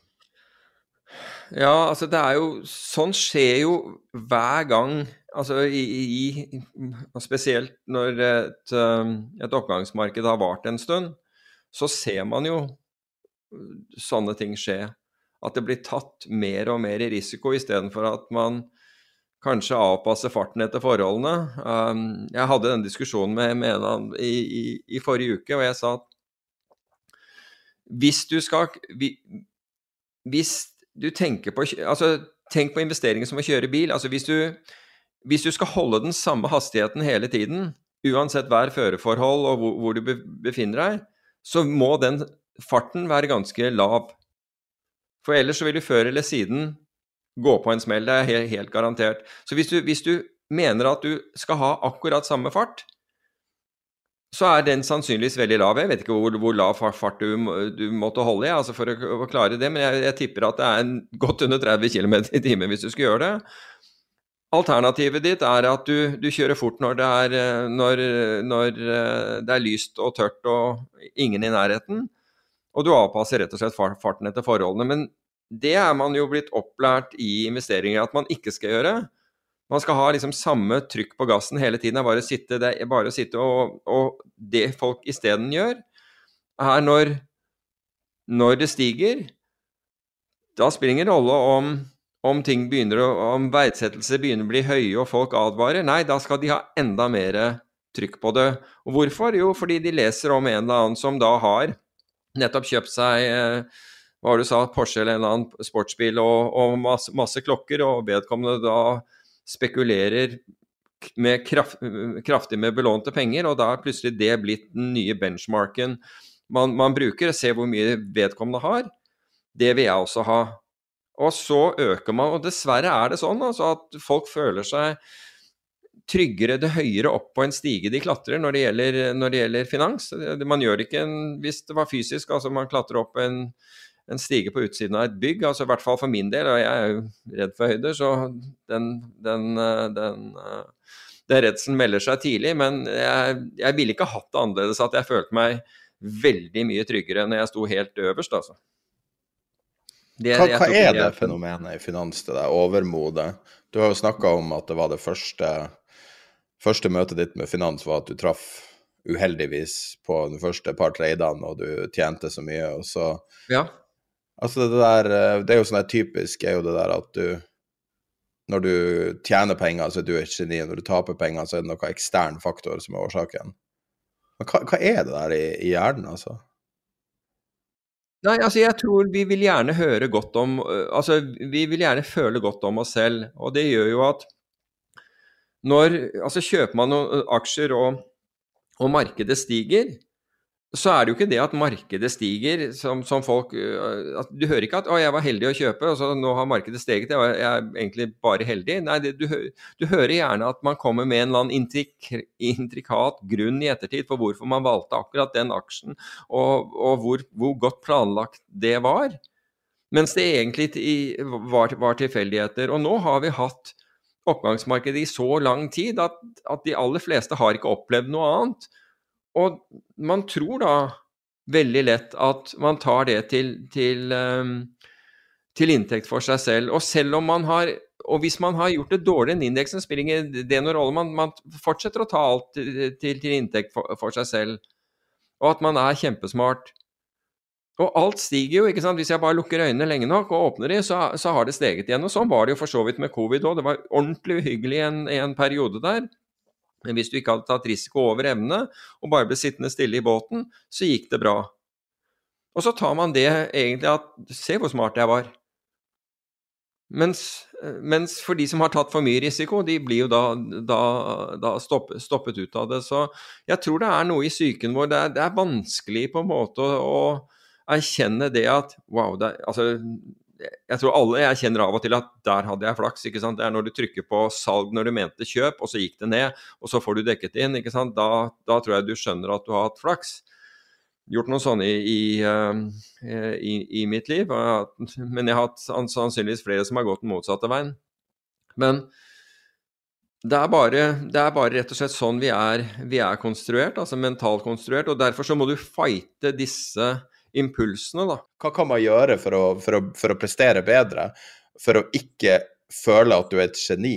Er det sånn som Magnus Carlsen gjør når han vinner to partier eh, på, tre, på, tre, muligheter i et, eh, et sjakk-VM der det nesten er umulig å vinne ett eneste parti, og hans svar er at han må holde fokus videre. Han tilsynelatende feirer ikke, driver ikke og kaller seg sjøl bra, er fornøyd, men ser med en gang videre. Uh, ja og nei. Altså, jeg tror det er viktig å feire uh, å, å, feire hvis man har, har, tatt riktige beslutninger. Altså ikke feire nødvendigvis det at man tjente penger, men hvis man har gjort noe altså i, i, at, det, at, du er Du har sett at du har endret atferd, du har gjort noe, og det er beslutninger du har aktivt tatt som har har uh, forbedret resultatene, det tror jeg er Jeg er veldig dårlig på det selv, men jeg tror det er veldig viktig å, å på en måte feire de med måte. Altså ta det inn over seg at det er fordi hvis ikke så er det ikke noe oppside i å ha gjort the, the right thing. Um, så det er jeg husker jeg spurte deg eh, ved, ved, ved en tidligere podkast, jeg tror det var i år og jeg sier, når, når er den eneste gangen du er liksom nøytral til, eh, til, til aksjemarkedet eller til, til, noe som helst marked? Og svaret på det er det er når du ikke har posisjon. I det øyeblikket du, er, du har kjøpt noe eller solgt noe, så har du, og du har en posisjon hvis du har shortet da, solgt som i å shorte, så har du en posisjon, og du vil ikke være nøytral. Så fra det øyeblikket du gjør den handelen, så kjemper du mot deg selv. Og, det er, og du har hele tiden da beslutningsprosesser. Og, vi, og jeg tror jeg nevnte for deg forleden at jeg kunne godt tenke meg å snakke om beslutningsprosesser ved en eller annen anledning, fordi det er, det er mye interessant det er et interessant fagområde, og det er skrevet mye om, om det. Men man må forstå hva som, hva som påvirker. Og f.eks. da det, dette å se mønstre der det ikke er noe mønstre, og det er jo veldig lett å gjøre hvis, hvis du setter deg ned foran, foran, skjermen og skal handle noe, og så, og så, har det ikke skjedd noe. Altså det skjer ingenting, ingenting, av det du trodde skjedde den dagen, så du har ikke gjort noe. Så sitter du og ser inne, og, og det går delvis på at du kjeder deg, og delvis fordi du egentlig mangler litt impulskontroll, for du føler at du må gjøre noe for å være produktiv. Og så enten så ser du et imaginært mønster, altså noe som ikke er der. Det er rett og slett bare støy. Eller så har du så dårlig impulskontroll at du bare hiver inn et bett, for det er liksom hvor gærent kan det gå? Og, og, resultatet av de er jo som regel at det går ordentlig dårlig. ja. Når du gjør de. Ja, det er bra. Jeg, og jeg har opplevd dette så mange ganger selv, så den, den, du har en enorm kamp mot deg selv helt fra du tar en posisjon Eh, både når du ikke har posisjon, det der å kunne sitte rolig og si det er ingenting som liner opp til de kriteriene jeg har for å foreta en handel i dag. Det er likevel en god dag. Ok, de gjorde, de gjorde ikke det, men liksom Jeg satt der. Det var ikke noe var, Du må på en måte feire den, også den beslutningen at du ikke gjorde noe når du ikke skulle gjøre noe. Fordi da har du gjort det riktige. Og så har du den der andre hvor du, hvor du f.eks. Hvor ting begynner å, å å gå galt. Og du, du tenderer til å, jeg, å, jeg, jeg, må flytte stopplåsen, ellers ellers så, blir jeg bare tatt ut av markedet. Så flytter du den, og så faller markedet lenger ned. Og så, og så oh shit, jeg selger hvis den kommer opp til der hvor den stopplåsen var. Så du legger inn selger her, så fortsetter markedet ned og fortsetter ned og fortsetter ned og fortsetter ned, og så er det megleren din som til slutt stopper deg ut. Da, da, har du gjort en serie med dårlige ta, uh, valg på basis av at du, du, ikke er i vater. Og du var ikke i vater fordi, ta, fordi, markedet gikk en annen vei enn det du trodde. Og da er det egoet ditt det handler om. Så hvor mye ego er det du har i Du skal tillate deg selv å ha i en, i en trade. Og mange har opplevd nå at det der å flytte stopplåsen og bare bli sittende mens, fordi markedene har, trenden har vært opp, og markedet har unnskyldt dem, har nesten gjort dem immune mot å gjøre the right thing. De kommer ikke til å klare å reagere fordi de har flyttet stoppene sine bort osv., og, så videre, og så har markedet belønnet dem for det, men markedet gjør ikke det. Altså over en sykkel så vil ikke markedet belønne deg for det. det du vil bli straffet for det. Og de der småpengene du hentet ved å la være å gjøre det som var riktig, blir til et stort tap når markedet ikke kommer tilbake. Og det er brutalt. Det er ekstremt brutalt for psyken. Og så har du den tredje, eh, bare for å nevne noen nå som er veldig vanlig, det er når du har hatt et tap, skal ta det igjen umiddelbart. Og du venter ikke på at liksom signalene eller kriteriene for at du skal gjøre en handel inntreffer. Du skal ha den nå. Så du bare hopper rett inn og skal ha det med en gang. Og sannsynligheten for at du da også taper på den neste, er Altså, du har virkelig oddsene mot deg. Du har virkelig oddsene mot deg. Det er, det er som å be om uh, Det er som å ha bli tildelt 19 på blackjack, og, og, og alle små kortene er gått, og så ber du om et nytt kort. Ikke sant? Du har alle oddsene mot deg. Altså, du, kan en, du, kan få en, ener og du kan få en toer, men alt annet vil ruin your day. Virkelig. Men du klarer ikke å se det. Så dette handler om beslutningsprosesser, og det handler om eh, Du var inne på det. Det å jobbe med deg selv. Hele tiden jobbe med deg selv, fordi du, du er aldri utlært i dette. Du er aldri den samme. Um, hva de sier at når du Hvis du tråkker ut i en elv, så er verken du eller elven den samme, altså fordi den renner forbi og altså noe skjer med deg, du er i bevegelse. Eh, eller andre gang du tråkker ut i en elv, er det vel, fordi da har det vannet som var, du tråkket ut i første gang, det har rent forbi osv. Og, så videre, og du, både du og elven er, er, forandret. Og sånn er det faktisk i markedet nå. Du må jobbe med deg selv hver eneste dag.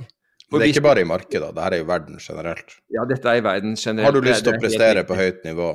Vi har jo en mulig gjest uh, som vi kanskje skal ha med senere, som vi har snakka om uh, med deg. Og, og, da er det jo nettopp interessant å høre hvordan man klarer å prestere på et høyt nivå.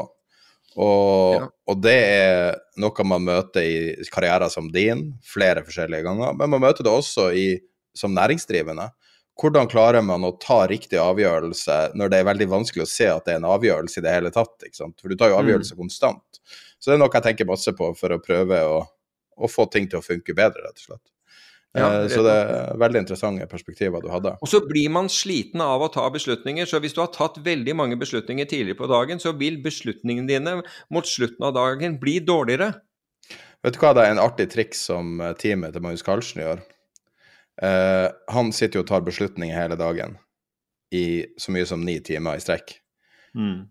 Så når han går ut av den salen, så er deres mål at han ikke skal ta ei eneste beslutning, uansett hvor lita. Sånn at alt er lina opp strømlinjeformer rundt han. Sånn at han skal ikke reflektere over hva han skal spise. Ingenting. Alt er bare, bare ført gjennom. Jeg syns det er et ganske sånn profesjonelt system de har lagt opp til. fordi at jeg tror at, altså de, de sier jo det at beslutning er helt ned på det nivået at du hvis du kan bestille deg en bagett, og så må du ta syv eller åtte beslutninger, at det oppleves som ganske stressende. Liksom, skal du ha ost, og skal du ha ditt, og skal du ha datt? At sånne beslutninger, selv på det ultralave nivået, oppleves som veldig stressende for mennesker. Og at, ja. uh, at uh, generelt burde man på en måte gå bort fra ting som er masse valg. Jeg bare syns det er Altså det, det, som skjer med hjernen vår, er at altså det eh, kalles decision depletion. Og det er, det er, at når vi har fattet massevis av beslutninger altså, og begynner å bli slitne, så tar vi snarveier deretter. Og vi bryr oss ikke like mye om det. Så beslutning Vi, vi liksom dumper ned på snarveier. Um, er det litt sånn to hell with it-syndromet? Hva sier du? Det er noe som heter to hell with it syndrome, eller noe i den døren ja, som er Litt det. Som, det, altså, som dreper alle slankekurer. Der så blir det der to hell with it, det, det er helt riktig. Men du, du defaulter til en sånn der, eh, forenkling av, av, alt, og beslutningene dine blir følgelig dårligere. Og Det bør man tenke på, og derfor så bør man også ha pauser i løpet av en dag hvis man sitter og handler, eh, altså, eller tar mye beslutninger, spiller ingen rolle hva du driver med egentlig. Men tar du mye beslutninger, så trenger du noen timeouter, sånn at du får roet deg ned litt. Grann. Men da kan vi ta en bitte liten timeout nå. Fordi ja. at uh, Rett før helga så hadde jeg en samtale med en veldig kunnskapsrik person. Og når jeg hadde avtale om å snakke med skatteetaten om skatt og krypto, så tenkte jeg at hadde jeg ikke sånn forferdelig høye forhåpninger til den personen jeg skulle snakke med. Jeg tenkte at jeg skulle bare høre reglene, enkelt og greit. Men jeg syns han var eh, påfallende eh, oppdatert om veldig eh, viktige nyanser i kryptomarkedet. Så her er Marius Johansen, fagansvarlig for krypto hos Skatteetaten. Nei, kan, skal vi starte litt med hva, hva kryptovaluta er i forhold til skattlegging? og den biten ja. der, det er der mange, det er der det bommes på fra starten. Ja.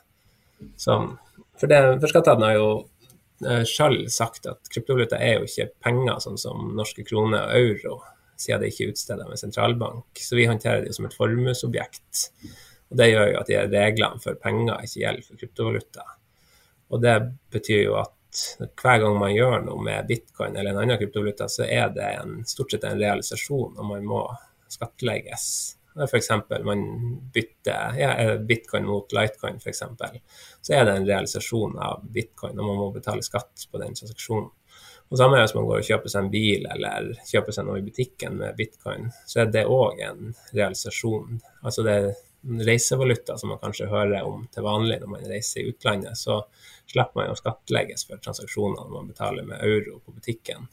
Men det gjelder jo ikke kryptovaluta. Da må man faktisk skattlegges for den transaksjonen. Man vil få fradrag eller gevinst avhengig av inngangsverdien på den kryptoen man har. Og så er det jo sånn at hver gang man realiserer noe, så skal man jo beregne gevinst-tap på den transaksjonen. Og så skal det summeres opp ved utgangen av året. Og det blir jo da gevinst eller tap som skal føres i skattemeldinga sammen med den beholdninga man har på det man eide av kryptovaluta ved utgangen av året. Og så vet vi at mange har mange transaksjoner. Det er jo ikke sånn, ja, Mange har mange tusen transaksjoner kanskje i uka om dagen, for at man trader ganske aktivt. Og vi har jo forståelse for at det kan være, være komplisert å holde oversikt over alt. Så man, det vi ser er at man ønsker fall prøve i hvert fall å dokumentere det her så godt man kan, og prøve å beregne gevinst-tap på hver transaksjon hvis man klarer.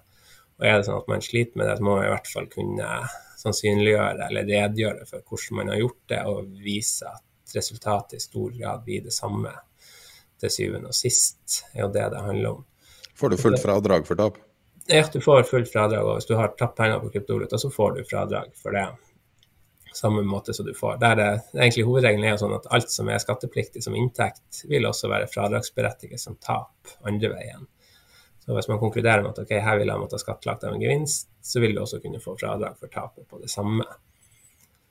Det er Hvordan er det med formue? Jeg ser det neste punktet av de seks punktene er formue. Ja, da er det jo det man eh, Ved utgangen av året så er det jo sånn at det man eier av kryptovaluta, la oss si at man eier ja, 10, 10 eller 1 bitcoin ved utgangen av året, så er det jo verdien på bitcoin 31.12., det er vel egentlig først i første året etterpå. Og så er det jo da, og den er jo ofte i dollar eller euro. Så man tar den verdien, og så må man etterpå regne det om til norske kroner. Og så må man eventuelt gange opp hvor mange man har. La oss si at kursen på ja, det er 20 000 dollar var kursen på bitcoin utgangen av et år, og dollarkursen var 10 så det er vi jo på 200 000 kroner per bitcoin. Så ganger man det opp med antall bitcoin man eide, f.eks. 0,5 bitcoin. Og da har man formuesverdien som man da fører opp i skattemeldinga. Og det må man jo gjøre for hver kryptovaluta man eier. Og så kommer vi til det viktigste punktet. Ja, skatten på virtuell valuta. Ja, det, det er jo 22 som er skattesatsen på virtuell valuta. Det er det man skattlegges for av, av inntekter. Og man får også fradrag på 22 hvis man har tap. Hvordan eh, ettergår det om folk eh, rapporterer riktig? Eh, vi har jo, Skatteetaten har jo flere kilder til opplysninger som man kan, kan bruke. Og det er jo de man sammenstiller, og så kobler man jo de opplysningene opp mot skattemeldingen.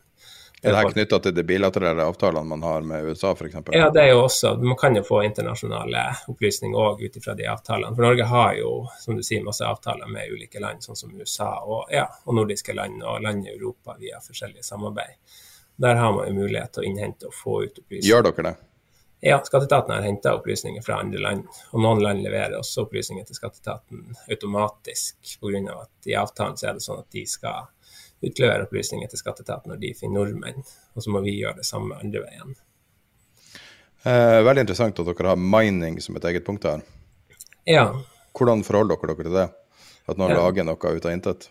Eh, det er jo sånn at Vi har jo konkludert med at å, å mine er, det er skatteplikt på det òg, enten det er mining eller staking, eller hvordan man, man genererer den inntekta. Så er det sånn på det tidspunktet man ja, får belønninger for mininga f.eks., så skal man skattlegges ut fra kurs, kursverdien på den dagen. og da får man jo også... Så hvis en bitcoin popper ut, må du betale 22 av en bitcoin?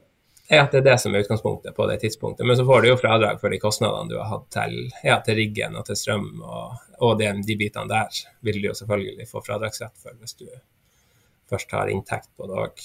Ja. Det, det femte punktet på lista, salg, er jo in, for så vidt dekka. Ja, det har vi jo diskutert. Og så det mest interessante er jo at dere faktisk er såpass framifra at dere har med DeFi, altså desentralisert finans. Ja, og der, for det vi så var jo at i fjor, fjor høst og utpå våren i år så kom det veldig mye spørsmål om Defi, og det var vel før jul i fjor at vi publiserte noen retningslinjer i hvert fall i forhold til hvordan det skal skattlegges.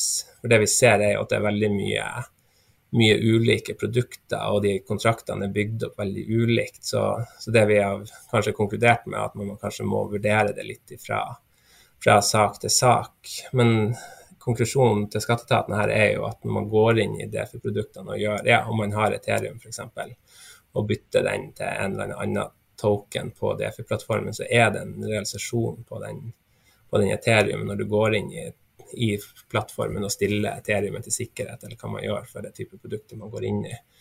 Og så er jo utfordringa på DeFi at det er jo periodevis ekstremt mye transaksjoner. Det skjer mye transaksjoner inni der som nesten er umulig å holde oversikt over. Der har man sagt at vi må vurdere litt fra sak til sak hvordan det skal skattlegges. For det er ikke alltid du klarer å se hva som skjer inni. Du går inn i Defi-en, og du, så skjer det masse, så får du ut kanskje 1,5 Ethereum istedenfor den ene du satte inn. Og Da har vi jo sagt at du skattlegges for den 1,5 teriumen, men at du, du, ser ikke på det som skjer inni der, men du liksom skattlegges på når du går ut. Og så må det vurderes litt ifra, ja, fra produkt til produkt, for vi ser at det er veldig mye, mye ulike produkter ute og går. Det er jo stor endringstakt. Er det blitt lettere for dere å finne informasjon pga. KYC og, og, de tingene, altså at du har know your customer, at, at plattformene må Du må rapportere hvem du er?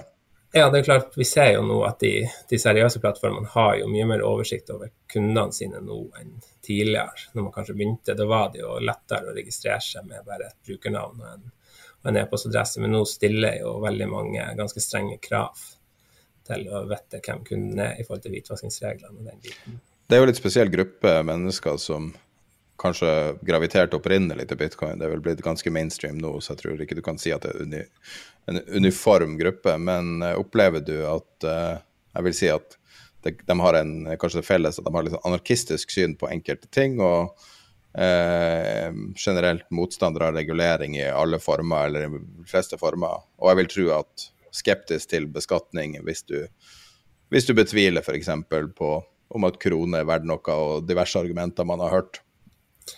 Hvordan opplever dere kontakten med jeg tror jo for, jeg tror egentlig som for på dette området som på andre områder, så tror jeg egentlig hele, eller store deler av befolkninga er dekka her òg. I hvert fall i dag er vårt inntrykk av at man har liksom Ja, det er et speilbilde av hele befolkninga. Begynner det å ligne på. Og det ser vi òg på de tallene og statistikkene vi har, både i forhold til kjønn og aldersfordeling og sånt, at det, ja, for det, det, vi ser er jo at det, det standardet var tidligere, var jo at det ofte var menn i 20-årene. Flertallet var de som i krypto. Mens nå ser vi at det har spredd seg og egentlig er folk i alle aldersgrupper. Og i mye større grad blitt damer som er i kryptovaluta. Tidligere var det ikke veldig mange prosent damer ifølge våre tall som er i kryptovaluta, men nå er vi nok sikkert godt over 10 og enda mer. Hvor mange folk eh, er krypto i Norge, vil du anslå? Eh, skatteetaten, Det siste anslaget som skatteetaten gikk ut med, var jo på eh, starten av 2020. Da hadde vi et anslag på litt over 200 000 eiere av kryptovaluta. Og vi jobber med nye tall nå, og vi, ja, vi er jo ganske sikre på at det tallet er mye høyere nå. og Det ser vi av undersøkelser som eksterne har gjort òg, at det tallet er høyere. Vil du anslå, er det dobbelt, tredobbelt, firedobbelt?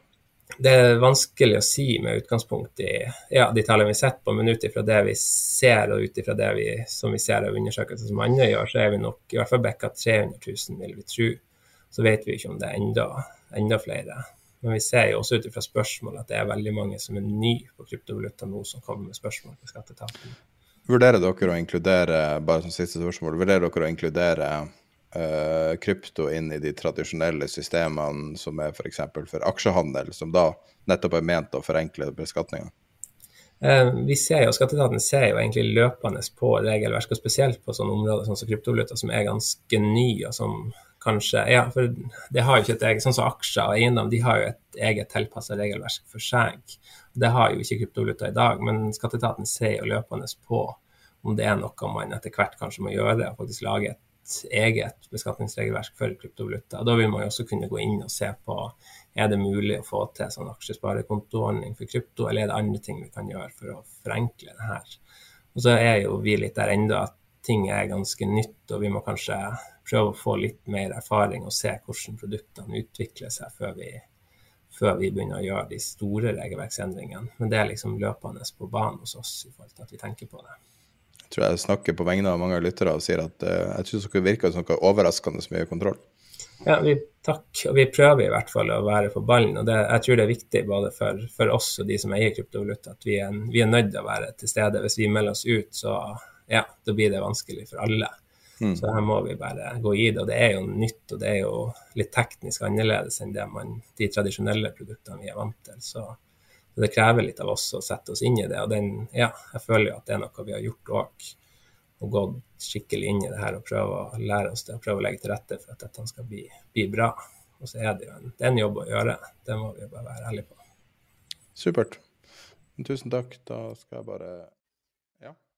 Eh, strøm er jo et tema som kom inn i podkasten som ikke hørte hjemme i det hele tatt. Det er typisk noe man forbinder med privatøkonomi, noe vi i utgangspunktet ikke jobber med men som har blitt et større og større del av uh, det vi snakker om, fordi at det er så uhyre viktig. Og, uh, og, også det at vi har fått innsyn i, i mer og mer av strømmarkedet uh, som Altså hvordan det fungerer, problemer og alle de strukturene som jeg føler passer veldig godt inn i podkasten.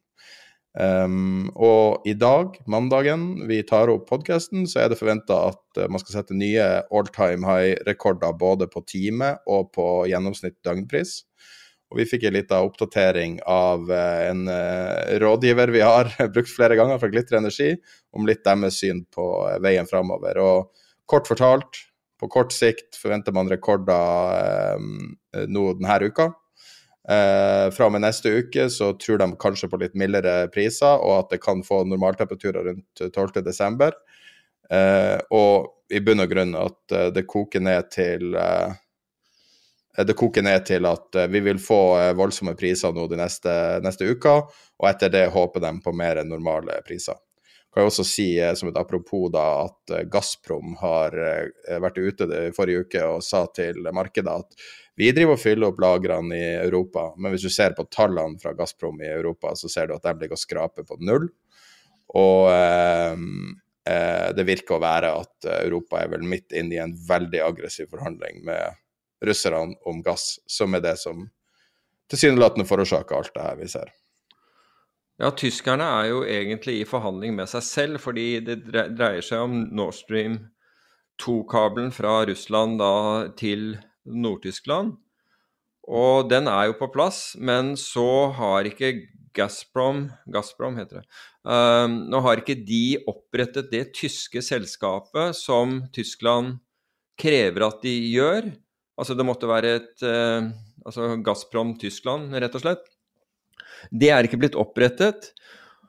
Og det har nå skapt vanskeligheter. Og nå er det faktisk slik at altså, man, kunne jo, man, kunne jo, sende gassen gjennom Ukraina og Polen, men, men, det, men nå, men det, det altså I hvert fall gjennom Ukraina er jo blitt en sånn geopolitisk eh, eh sak mellom, eh, mellom Russland og, og, Ukraina. Men det i hvert fall summa summarum da, når det gjelder eh, eh Nord Stream 2, er jo at antag, altså selv om Tyskland var så velvillige som de bare kunne i, i, i beslutningsprosesser, for det, her er, det er ikke bare dette selskapet, det er flere ting som må på plass, så ser man ikke for seg at det i beste fall kan, komme, kan åpnes før i mars. Og da sliter man litt i, i, i, mellom, i, mellomtiden. Og noen snakker om at det kan ta til september før det er um, før, um, før, den åpnes. Hvis den blir åpnet. Det er veldig mye som tyder på at den omsider det blir det, tenker jeg. I hvert fall. I hvert fall hvis det blir helsvart nå i, uh, i, i vinter når det gjelder uh, nedstengninger og, og den type ting.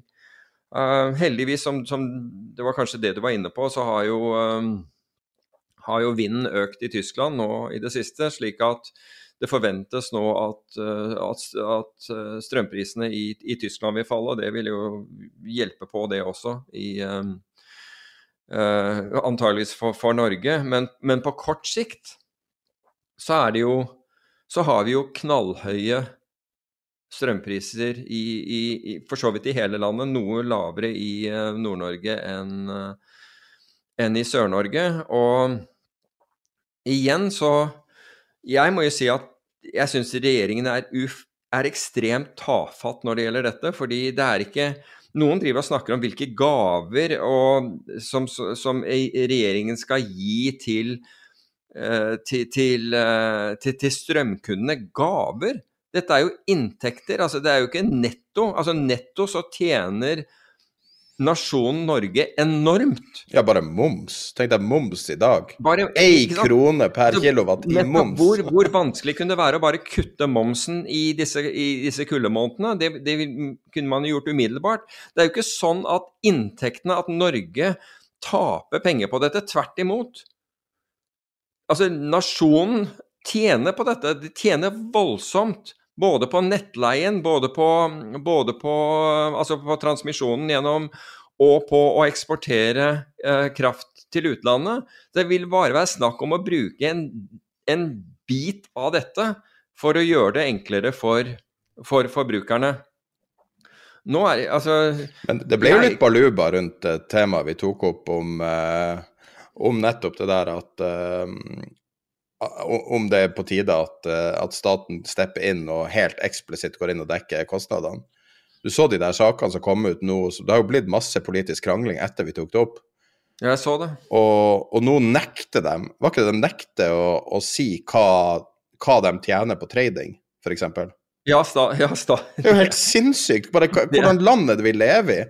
Altså, Uansett om du er enig eller uenig med om staten skal spekulere der, i likhet med mange andre plasser som skal drive et hedgefond inne i staten, ok, greit, du kan være enig eller uenig om det, men altså, forventer man ikke en viss åpenhet i Norge? Jeg gjør i hvert fall det.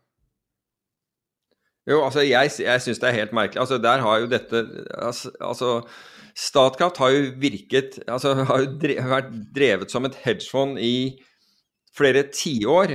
Og ingen har våknet opp, opp til det. Ikke bare drevet som hedgefond, men de har egentlig ikke fortalt det til noen. I hvert fall ikke med Nei, nettopp. Men, men, du ser når de plutselig har, har, et Altså, de har et kjempegodt resultat, men det ble fire milliarder dårligere fordi de tapte på, på, på, på spekulasjon. Og så er det snakk om hvor mye av det var var eh, kurssikring, og hvor mye var spekulasjon? Nei, det vil vi ikke fortelle om. Virkelig. det bare stinker lang vei. Ja, det sekundet noen her... nekter å si noe, så det er det det som er saken. Samme hva som er underliggende. Hvorfor nekter du å si det? ja, det, det, er jo liksom sånn Altså, det, jeg syns det er helt utrolig at du Altså, det er en arrogant holdning. Det er en farlig politisk holdning.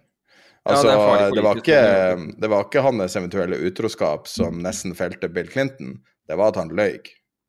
Og, var, mm. og, i dette tilfellet å holde tilbake er det som er problemet. Handlinga i seg sjøl er jo diskutabel, men hvis du begynner å skjule det, hvorfor skjuler du det? Ja. Fordi at det her er jo noe som i utgangspunktet er akkurat det samme som oljefondet. Oljefondet skjuler jo ingenting. De er jo, de er jo utrolig åpne. Gå inn på ja, nbim.no. Alle ja, Men ikke bare det, da, men der er jo alle de politiske partiene på til enhver tid. Ja, fordi at de har hørt ha... om det. Det er jo ingen som har hørt om det Statkraftfondet. det er jo sinnssykt.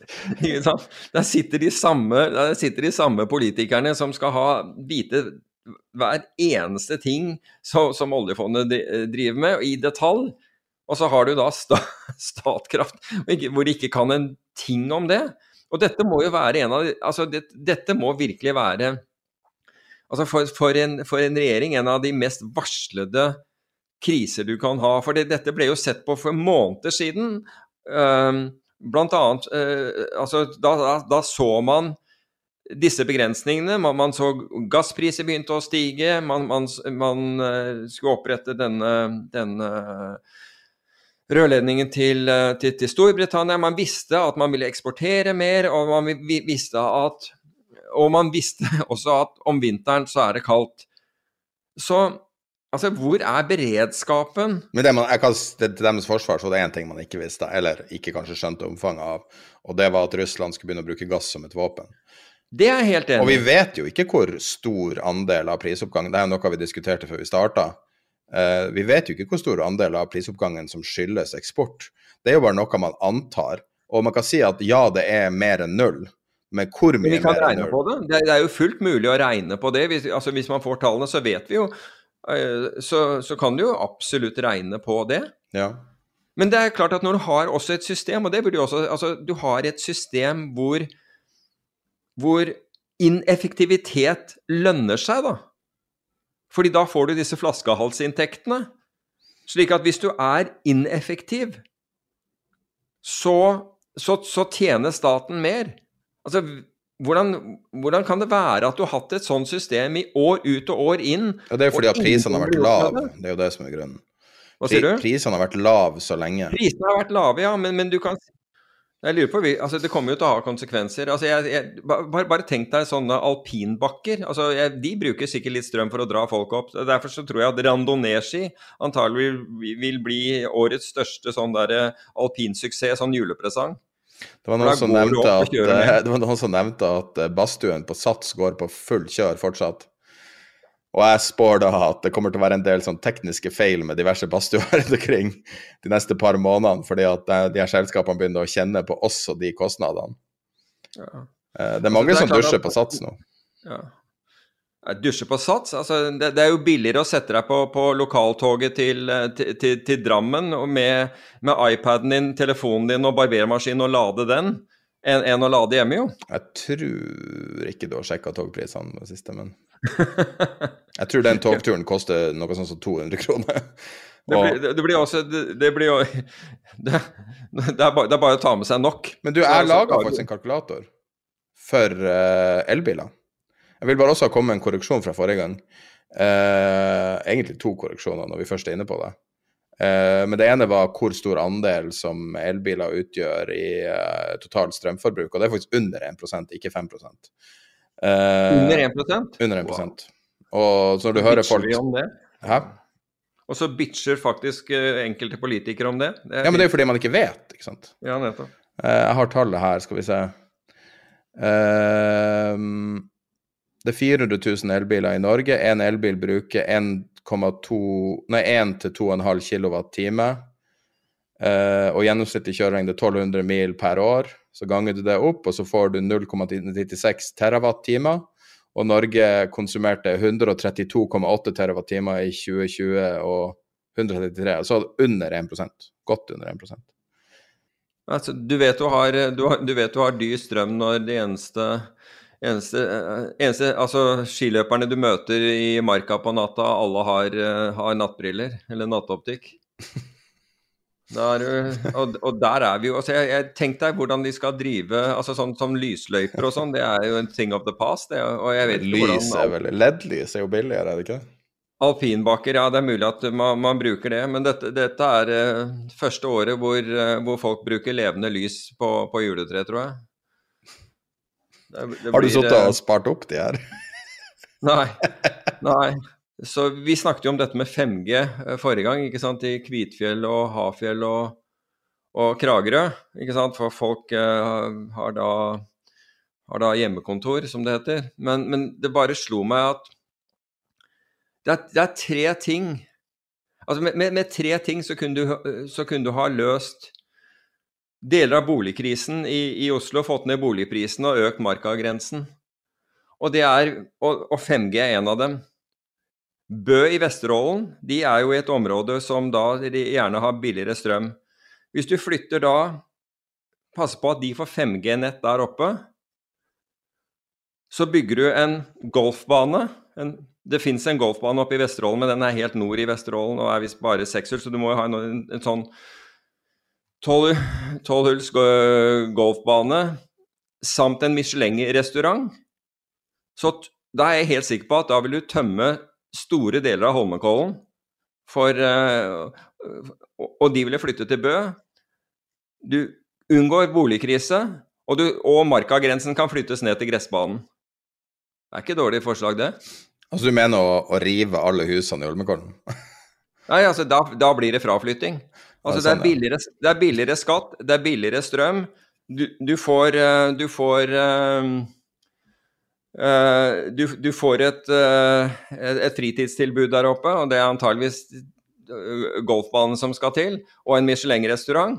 Altså hiver du inn Det er Michelin. Det er noe som, som er en sånn flott restaurant der oppe, som minner om Feviken i Sverige. Ja, men Det kan godt hende, men jeg vet ikke om den er i Bø. Men, men det, er, det, er, jo kjempebra, kanskje de allerede har, har, det. Men hiver du inn Hiver du inn en, en Porsche og en Bentley-forhandler, så, så flytter vel Ratt Pareto og, og Arctic Securities opp dit også. Men er virkelig formuesskatten så ille at folk vil flytte til Altså, jeg er fra Nord-Norge. Det var en eller annen som sa Det var det... en eller annen i, i, avisen i helgen som sa at han sparte 35 millioner kroner i året. Ja, men hva kan Altså, er ikke det bedre å flytte til uh, Gibraltar, liksom? Eller, eller til altså Selvfølgelig, Sveits er jo svindyrt å kjøpe bolig, da, så det går ikke an. Der må du leie. Ja. Men én ting, apropos Jeg la merke til én uh, artig ting når du sier uh, at det må være raskt internett, eller 5G. Altibox har et 5G-nett som er da hus Altså som er uh, trådløst fiber. Det syns jeg var litt innovativt. De har kjøpt frekvens og har lansert sitt eget 5G-nett. Okay. Ja. Det syns jeg var ganske innovativt, for det er jo sinnssykt dyrt å grave fiber, ikke sant. Ja, de sier at nedbetalingstida for for, uh, for, fiber, altså hvis du graver en kilometer, er sånn som tolv år. Altså du taper penger på kunder i tolv år, så du må være fast uh, betalende kunder i tolv år for å gå inn null. Hmm. Jeg bare syns det var litt innovativt. Hvis Altibox hører på dette her, så tar de sikkert kontakt med ordføreren i Bø. Ja. Da, da er det bare Arnold Palmer, Palmer og, og, en, uh, en Michelin-restaurant vi trenger i tillegg. Ikke vi, de. Ja, tror du, eh, skal vi, skal vi ta eh, noe vi skippa her, jeg glemte det i stad. Tror du Evergrande går under? Og nå, tror du det betyr noe? Faktisk, det ser jo faktisk sånn ut. altså nå er Det det er forfall denne uken her på 82,5 milliard dollar i gjeld. Og aksjekursen var ned 19% i Hongkong i dag morges. Så eh, det ser ikke lyst ut, det der. Og, og, og, du har jo snakket om Kina som motoren, og det er klart at det har vært litt annerledes nå med, med covid, men ikke veldig, veldig mye an annerledes. Men hvis Evergrande går over ende, altså Kinas suverent største eiendomsselskap, så kan ikke jeg se annet enn at du må skrive ned eiendommer på, på, over hele Kina som følge av det. Noe som setter alle de andre eiendomsselskapene i, um, i en dårlig økonomisk situasjon. Altså jeg tenker at de da bryter med, med, med covenancer i forhold til lån og den type ting, og det, det for meg begynner å, å se systematisk ut. Jeg, var, jeg, er egentlig ganske forbauset over at uh, det ble forbigått med, med, ganske stor stillhet i, i dag. Jeg vil argumentere med at det folk var redd med Evergrande, var en ukontrollerbar konkurs. Ja. Og nå er det ikke ukontrollerbart. Nå er det eh, Nå er det bare en mulig konkurs. Ja, definer ukontrollerbar konkurs. Da. Nei, altså at det kommer liksom eh, Det kommer som lyn fra klar himmel, da. Sånn som uh, Ja, liksom sånn over natt? Ja. Altså, jeg er helt enig med deg hvis, hvis, hvis, argumentet ditt er at nå har vi fått tid til å, å på en måte venne oss til det. Det, det tror jeg er viktig. Og Kina har fått tid til å venne seg til det, vel det jeg mest mener. Ja, og ikke bare Kina, men, men, alle de europeiske og andre bankene som har, eh, som har eh, lånt, lånt, penger. Jeg, jeg tror ofte at, at, uh, sånn som at Enron var jo Det var jo, gikk jo fabler om at Enron ikke måtte gå konkurs. Hadde de fått lov å winde down posisjonene sine, så hadde de overlevd. Det har jo alltid vært snakka om. Um, fordi at krisa Tenk deg Lehman Brothers også hadde sikkert overlevd hvis man hadde klart å normalisere markedene nok til de fikk lov å, å, å, fortsette business as usual. Men det er jo krisa tillater ikke det. Det tillater ikke en dag til. Nei, og så var altså Problemet med Enron var jo at de hadde, de hadde jo bokført Altså, de var jo de var jo konkurs. De hadde jo bokført inntekter altså, som, som, skulle komme 20 år frem i tid, som om, om de var på konto. Så jeg tror ikke du ville unngått Men jeg må jo si det er noe artig med Enron, altså. Enron var jo veldig opptatt av ideer og ble latterliggjort i ettertid og sånn. Men når du ser på hvordan ideer de hadde, så var en av ideene var AWS. Det var bare dårlig gjennomført. De klarte ikke å se mm. visjonen i det. De skulle trade bredbånd, og gjorde det selvfølgelig på en lettvint måte, men det de skapte, var AWS. Det samarbeidet med Blockbuster skapte Netflix, men de skjønte ikke hva de hadde, og de hadde ikke nok tid til å utvikle det. Sånn at, og, og ikke minst, de skapte den tradingkulturen på Wall Street til en viss grad med å, å bringe så mange tradere inn. Jeg bare syns det er et interessant fenomen med, med Enron. Ja, jeg er enig i det. Enig i det. Da var det du, kan, jeg, kan, jeg, bare si noe til våre, våre Patrion uh, Hva jeg håper å si kunder, det er jo ikke det vi kaller det. Hva Dem som uh, støtter oss på Patron? Ja, de som støtter oss, oss på Patron. Fordi um, det er Altså, igjen takke dem for, um, for det. Det er, det er Jeg syns det er inspirerende å se at uh, å se at folk uh, virkelig setter pris på det. Det er over all forventning. Jeg, for meg, og er veldig ydmyk for, overfor det. Og, og, bare ville benytte anledningen nok en gang til å, til å takke de som gjør det. Helt enig. Det det er litt spesiell ting. Det sitter jo veldig langt inne å lage sånne paywaller i praksis. Og vi hadde jo diskutert det, jeg hadde jo brakt det opp flere ganger for lenge siden. Og, mm. Men jeg følte jo også at din motstand var helt berettiga. Men det var først da vi på en måte så den kombinasjonen av at man kunne eh, legge det innholdet som, ikke, som, var for langt til å ha i podkasten, f.eks. et langt, grundig intervju, eh, kunne legge det inn der. Og ikke minst det at du kan, hvis du virkelig ikke vil ha reklame, så har du et konkret alternativ der det ikke er reklame. Det syns mm. jeg, det synes jeg var en fin måte, og jeg likte din motstand var helt berettiga, da. Det at man kan ikke bare hive seg på ting. Man må tenke gjennom det. Ja, og jeg trodde helt ærlig ikke at uh, at det var noe som, uh, som ville fenge an hos nordmenn i det hele tatt. Jeg trodde nesten tvert imot. Altså at det, så jeg er, jeg er, ydmyk, og altså jeg er ydmyk, jeg må innrømme at jeg, jeg, jeg, tok feil der, og det har vært uh, over all forventning. Så ja. igjen, Nei, Jeg prøver å få til noe uh, før jul, uh, men vi kan ikke si det nå fordi at tida går fort. og, og ja, men det er to konkrete ting vi jobber med med Patrion nå, så vi kommer til å annonsere det den dagen vi sitter klar og faktisk er helt bombesikkert. Sannsynligvis før jul, men ikke garantert. Men mm. uansett, vi tenker mye på Patrion, og, og Patrion er også en så fin måte der vi kan teste ut nye ting også. Bl.a. det å ha podcaster som effektivt sett er nesten tre timer lang, ikke sant? fordi at vi har lange intervjuer inni, i stedet for å ha et nedklippa versjon. Sånn, det å kunne teste ut det, og, og hvis vi noen gang hadde lyst til å lage um, et eller annet videoproduksjon, så kunne vi ha gjort det der. Altså Det er mange sånne ting som Patrion gjør mulig, som egentlig mm. kanskje ikke passer så godt inn i en, i en podkast. Uh, eh, men uh, vi har stort fokus på å skape verdi der, definitivt. Ja. Og ser på ja. det det som et, eh, et stort liksom, ansvar, og føler jeg i hvert fall. Jeg føler noe veldig stort ansvar på det. Ja, det er jeg også. Det, er, det forplikter, det, føler jeg. Ja. Også nyhetsbrevet. Nyhetsbrevet jo, eh, var jo ment generelt, i likhet med mange andre, kanskje ikke like Facebook så godt som plattform. og jeg hadde lyst på å ha et mer sånn konsekvent alternativ der det ikke er noe tvil rundt en algoritme, hva de velger og sånne ting. og nå har jo nyhetsbrevet blitt ganske stort. Og har vært sånn fin, et fint tillegg til podkasten, der man kan sende ut grafer og research og, og dybde og linker. Alt mulig som dukker opp i podkasten, og ting som kanskje ikke rekker med å ta i episoden, får vi med der.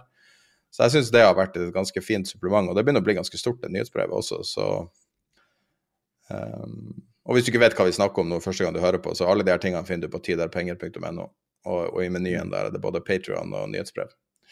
Og så chatten, ikke minst når vi først uh, er takknemlige for ting. Ja. Jeg vet at eh, du er ikke så aktiv, og, eh, og det, men det er veldig mye aktivitet der. Det er veldig mye dynamikk, det er mye å lære. Jeg syns det er utrolig artig å kunne se, å kunne se det. Eh, det som på en måte kommer fram der, og du vil merke av og til at enkelte ting kommer inn i podkasten derifra fordi at det er gode ideer som blir delt eller linka, eller hva det er. så ja, nei, jeg, jeg, rekker ikke det i, på en måte, i det daglige med å, å kunne holde fokus på markedet og, og de andre tingene, men, men jeg, jeg, ser det jo hvis det er noen som uh, som tagger meg eller et eller annet sånt, så, så, så ser jeg det, da, og da tar jeg som regel del i det. Hvis det er et eller annet som, som jeg kan svare på som ikke da allerede er, er, eh, er besvart. Det var noen spørsmål om indeks i helgen annet og, og greier. Og så må vi jo selvfølgelig si en ting vi har holdt litt tilbake, da. Så uh, vi har fått en liten tidlig julegave til podkasten. Hmm, ja. Kom litt uventa. Uh, vi har fått en liten julegave fra Red Bull. Og uh, jeg vet ikke om det, det er jo sånn her Hva de sier Red Bull gives you wings. Og, jeg, vet ikke, jeg, vet ikke, hva de tenker rundt podkasten og, og, den assosiasjonen, men jeg sitter og drikker Red Bull nå. Du drikker nesten alltid Red Bull når vi tar opp. Jeg føler at Red Bull har vært liksom sånn den hemmelige motoren bak podkasten, egentlig. Den hemmelige ingrediensen. Og, det er veldig hyggelig at de setter pris på det. det er, absolutt. Ja, plutselig dukka det opp en av de her eh, bilene med Red Bull-boks på taket utenfor hos deg. Sendte bare ja. SMS og sier hvor du vil ha det levert. det var artig. Eh, så eh, Nei da, det, det, er veldig morsomt og et selskap jeg har veldig stor respekt for. og Eh, et helt unikt selskap i global målestokk. Og et fantastisk produkt, ikke minst. Det jo, jeg, jeg lurer på om vi begynte å snakke om det pga. At, at det var så effektivt for å behandle jetlag. Som en av Altså, det var foundation til Red Bull var jo for å behandle jetlag.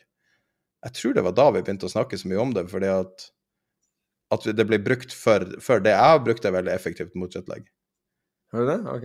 Hva, da setter du inn en Venoflon uh, i armen og Ja, altså, du kan bruke det til å regulere energien, altså regulere energien gjennom dagen, sånn at du normaliserer. Ja, sånn, ja. Uh, fordi at det Altså, jeg syns det fungerer mye bedre enn kaffe gjør deg jo bare gira. Det vekker deg egentlig ikke. Mm. Uh, så for meg har Red Bull vært en fantastisk måte å på en måte hjelpe til å holde fokus, og det er jo, det er jo slitsomt å lage en podkast også, så ja, altså det der å få energi Det er helt sant, det. Og i hvert fall når man skal da eventuelt inn i markedet eh, etterpå igjen, så er det jo veldig greit å, å få, å få en lite, lite, boost. Det gjelder å ikke få for mye, fordi da blir du litt, litt hyper, og det må man ikke ha. Men ja, for øvrig en Min datter Kaja er jo, er, jo, er jo, til de grader fan av, av Red Bull, og, og, og, og ikke minst Formel 1. Så ja, og, Formel 2 har jeg skjønt. Formel 3 også. Altså, Dennis ja, nå Jeg, jeg mente neste års Formel 2. Ja, riktig. riktig. Ja, hun, hun, ja, hun, har jo truffet Dennis ved, ved, et par anledninger også, Dennis Hauger. Så, um, så ja, hun er definitivt følger, følger, kommer definitivt til å følge Formel 2 også i, um, i neste sesong. Ja, nei, det er utrolig. Nå hadde vi en ganske oppheta Formel 1-debatt etter helga før vi starta, og jeg tror kanskje vi holder den privat. det var Men, Det kan nok være lurt. Eh, det er vel eh, Vi har jo en ingen politikkregel, jeg føler at den går litt under det. Det er greit å la folk ha egne meninger om ting. Jeg tror Hvis jeg tok et, et brett med Red Bull ved siden, av, ved siden av meg Jeg tror vi stopper det. Stopper det. ja, så, ville, så, ville den, så, ville, den, debatten Den, den ville bli det vil, det vil fly gnistre av den, det er jeg helt ja, enig i. Men da kan vi heller ta et, et, siste. Vi har jo også vi har så mange nye partnere rundt omkring. Ting som skjer, eller, eller julegaver, eller hva man skal kalle det. Men en, et selskap som vi har starta et samarbeid med, er jo Gyllendal mm. og, og, deres bokhandel Ark og deres eh, nisjesatsing som heter Pocket. Uh, så jeg, jeg tror Tida Penger var det første som ikke var en forfatter som var med i det samarbeidet. Og de hadde oppdaga med å lytte på podkasten at vi snakka mye om bøker. Og i den forbindelse har vi laga ei bokliste over alle bøker som er naturlig å anbefale rundt podkasten. Det er ikke bare trading, det er mye trading, det er mye psykologi, noe geopolitikk, men det er sånn typisk tematikk rundt. Men det, hvis du virkelig skal forstå finans, så må man lese om finans. Det tror jeg du er enig i det synet? Jo da. Og, Absolutt. Eh, vi, og, og jeg, jeg, jeg, tror at hvis man skal si ei bok å starte med, hvis man skal på en måte demystifisere, demystifisere litt, så tror jeg det er Hedge Fund Market Wizards. Hva du syns du om det? Jo, altså den, den, forklarer jo Den er jo veldig god til å forklare det sett fra, fra hedgefonds-siden, altså hva, hva, de gjør og hva, hvordan de tenker. Um, altså traderne som er i, i hedgefond, eller forvalterne som er i hedgefondene. Så det er en absolutt, uh, absolutt uh, bra, bra, bok. Jeg har jo vært gjennom alle, alle bøkene til, til Schweiger. Og, ja, og vi har alle bøker på lista, så det er spesifisert. Ja, altså jeg syns alle er bra. Altså jeg gjør virkelig det. Altså det er ikke én av dem som jeg ville sagt at eh, den kunne jeg godt ha hoppet over. Jeg syns alle er bra. Ja. Nei, så vi legger link til uh, vår bokhandel. Det er på pokket.no, skråstrek tiderpenger. Eh, men du finner det også på linker rett fra pocket.no. Eh, vi også linket den direkte, også med link til uh, til Hedge Fund Market Wizards i nyhetsbrevet.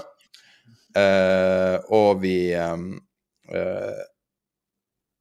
og vi uh, legger det også ut på hjemmesida på tiderpenger.no, uh, der vi har ei sånn leseliste. Så det er mulig vi kanskje endrer navn på den. Leseliste litt rart navn, men, men foreløpig er det leseliste. Og da vil vi legge den ut uh, øverst der. Og da har vi tidligere lagt ut uh, boka 'Black Banners' av Ali Sofan, som vi tidligere har snakka om. Men da tror jeg vi er gått litt over den tida vi opprinnelig hadde tenkt å gå. Så det blir litt lang episode her. Skal vi runde av, Peter? Det kan vi gjøre. Denne også blir, blir litt lang. Beklager det. Det er jo en del som skjer, da. Ja, nok å snakke om. Da er vi tilbake om ei uke, og jeg vil også si at det er mulig at vi har en liten bonusepisode som kommer ut om noen dager. Vi får se. Ha det bra.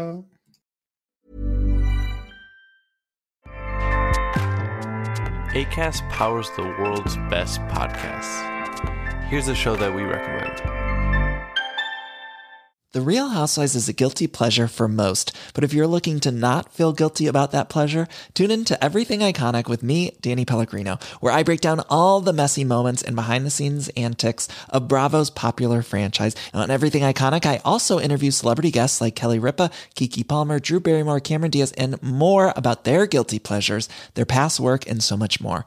So if you're pop culture obsessed and find yourself watching way too much reality TV like me, tune in to Everything Iconic with Danny Pellegrino wherever you listen to podcasts. ACAST helps creators launch, grow, and monetize their podcasts everywhere. ACAST.com.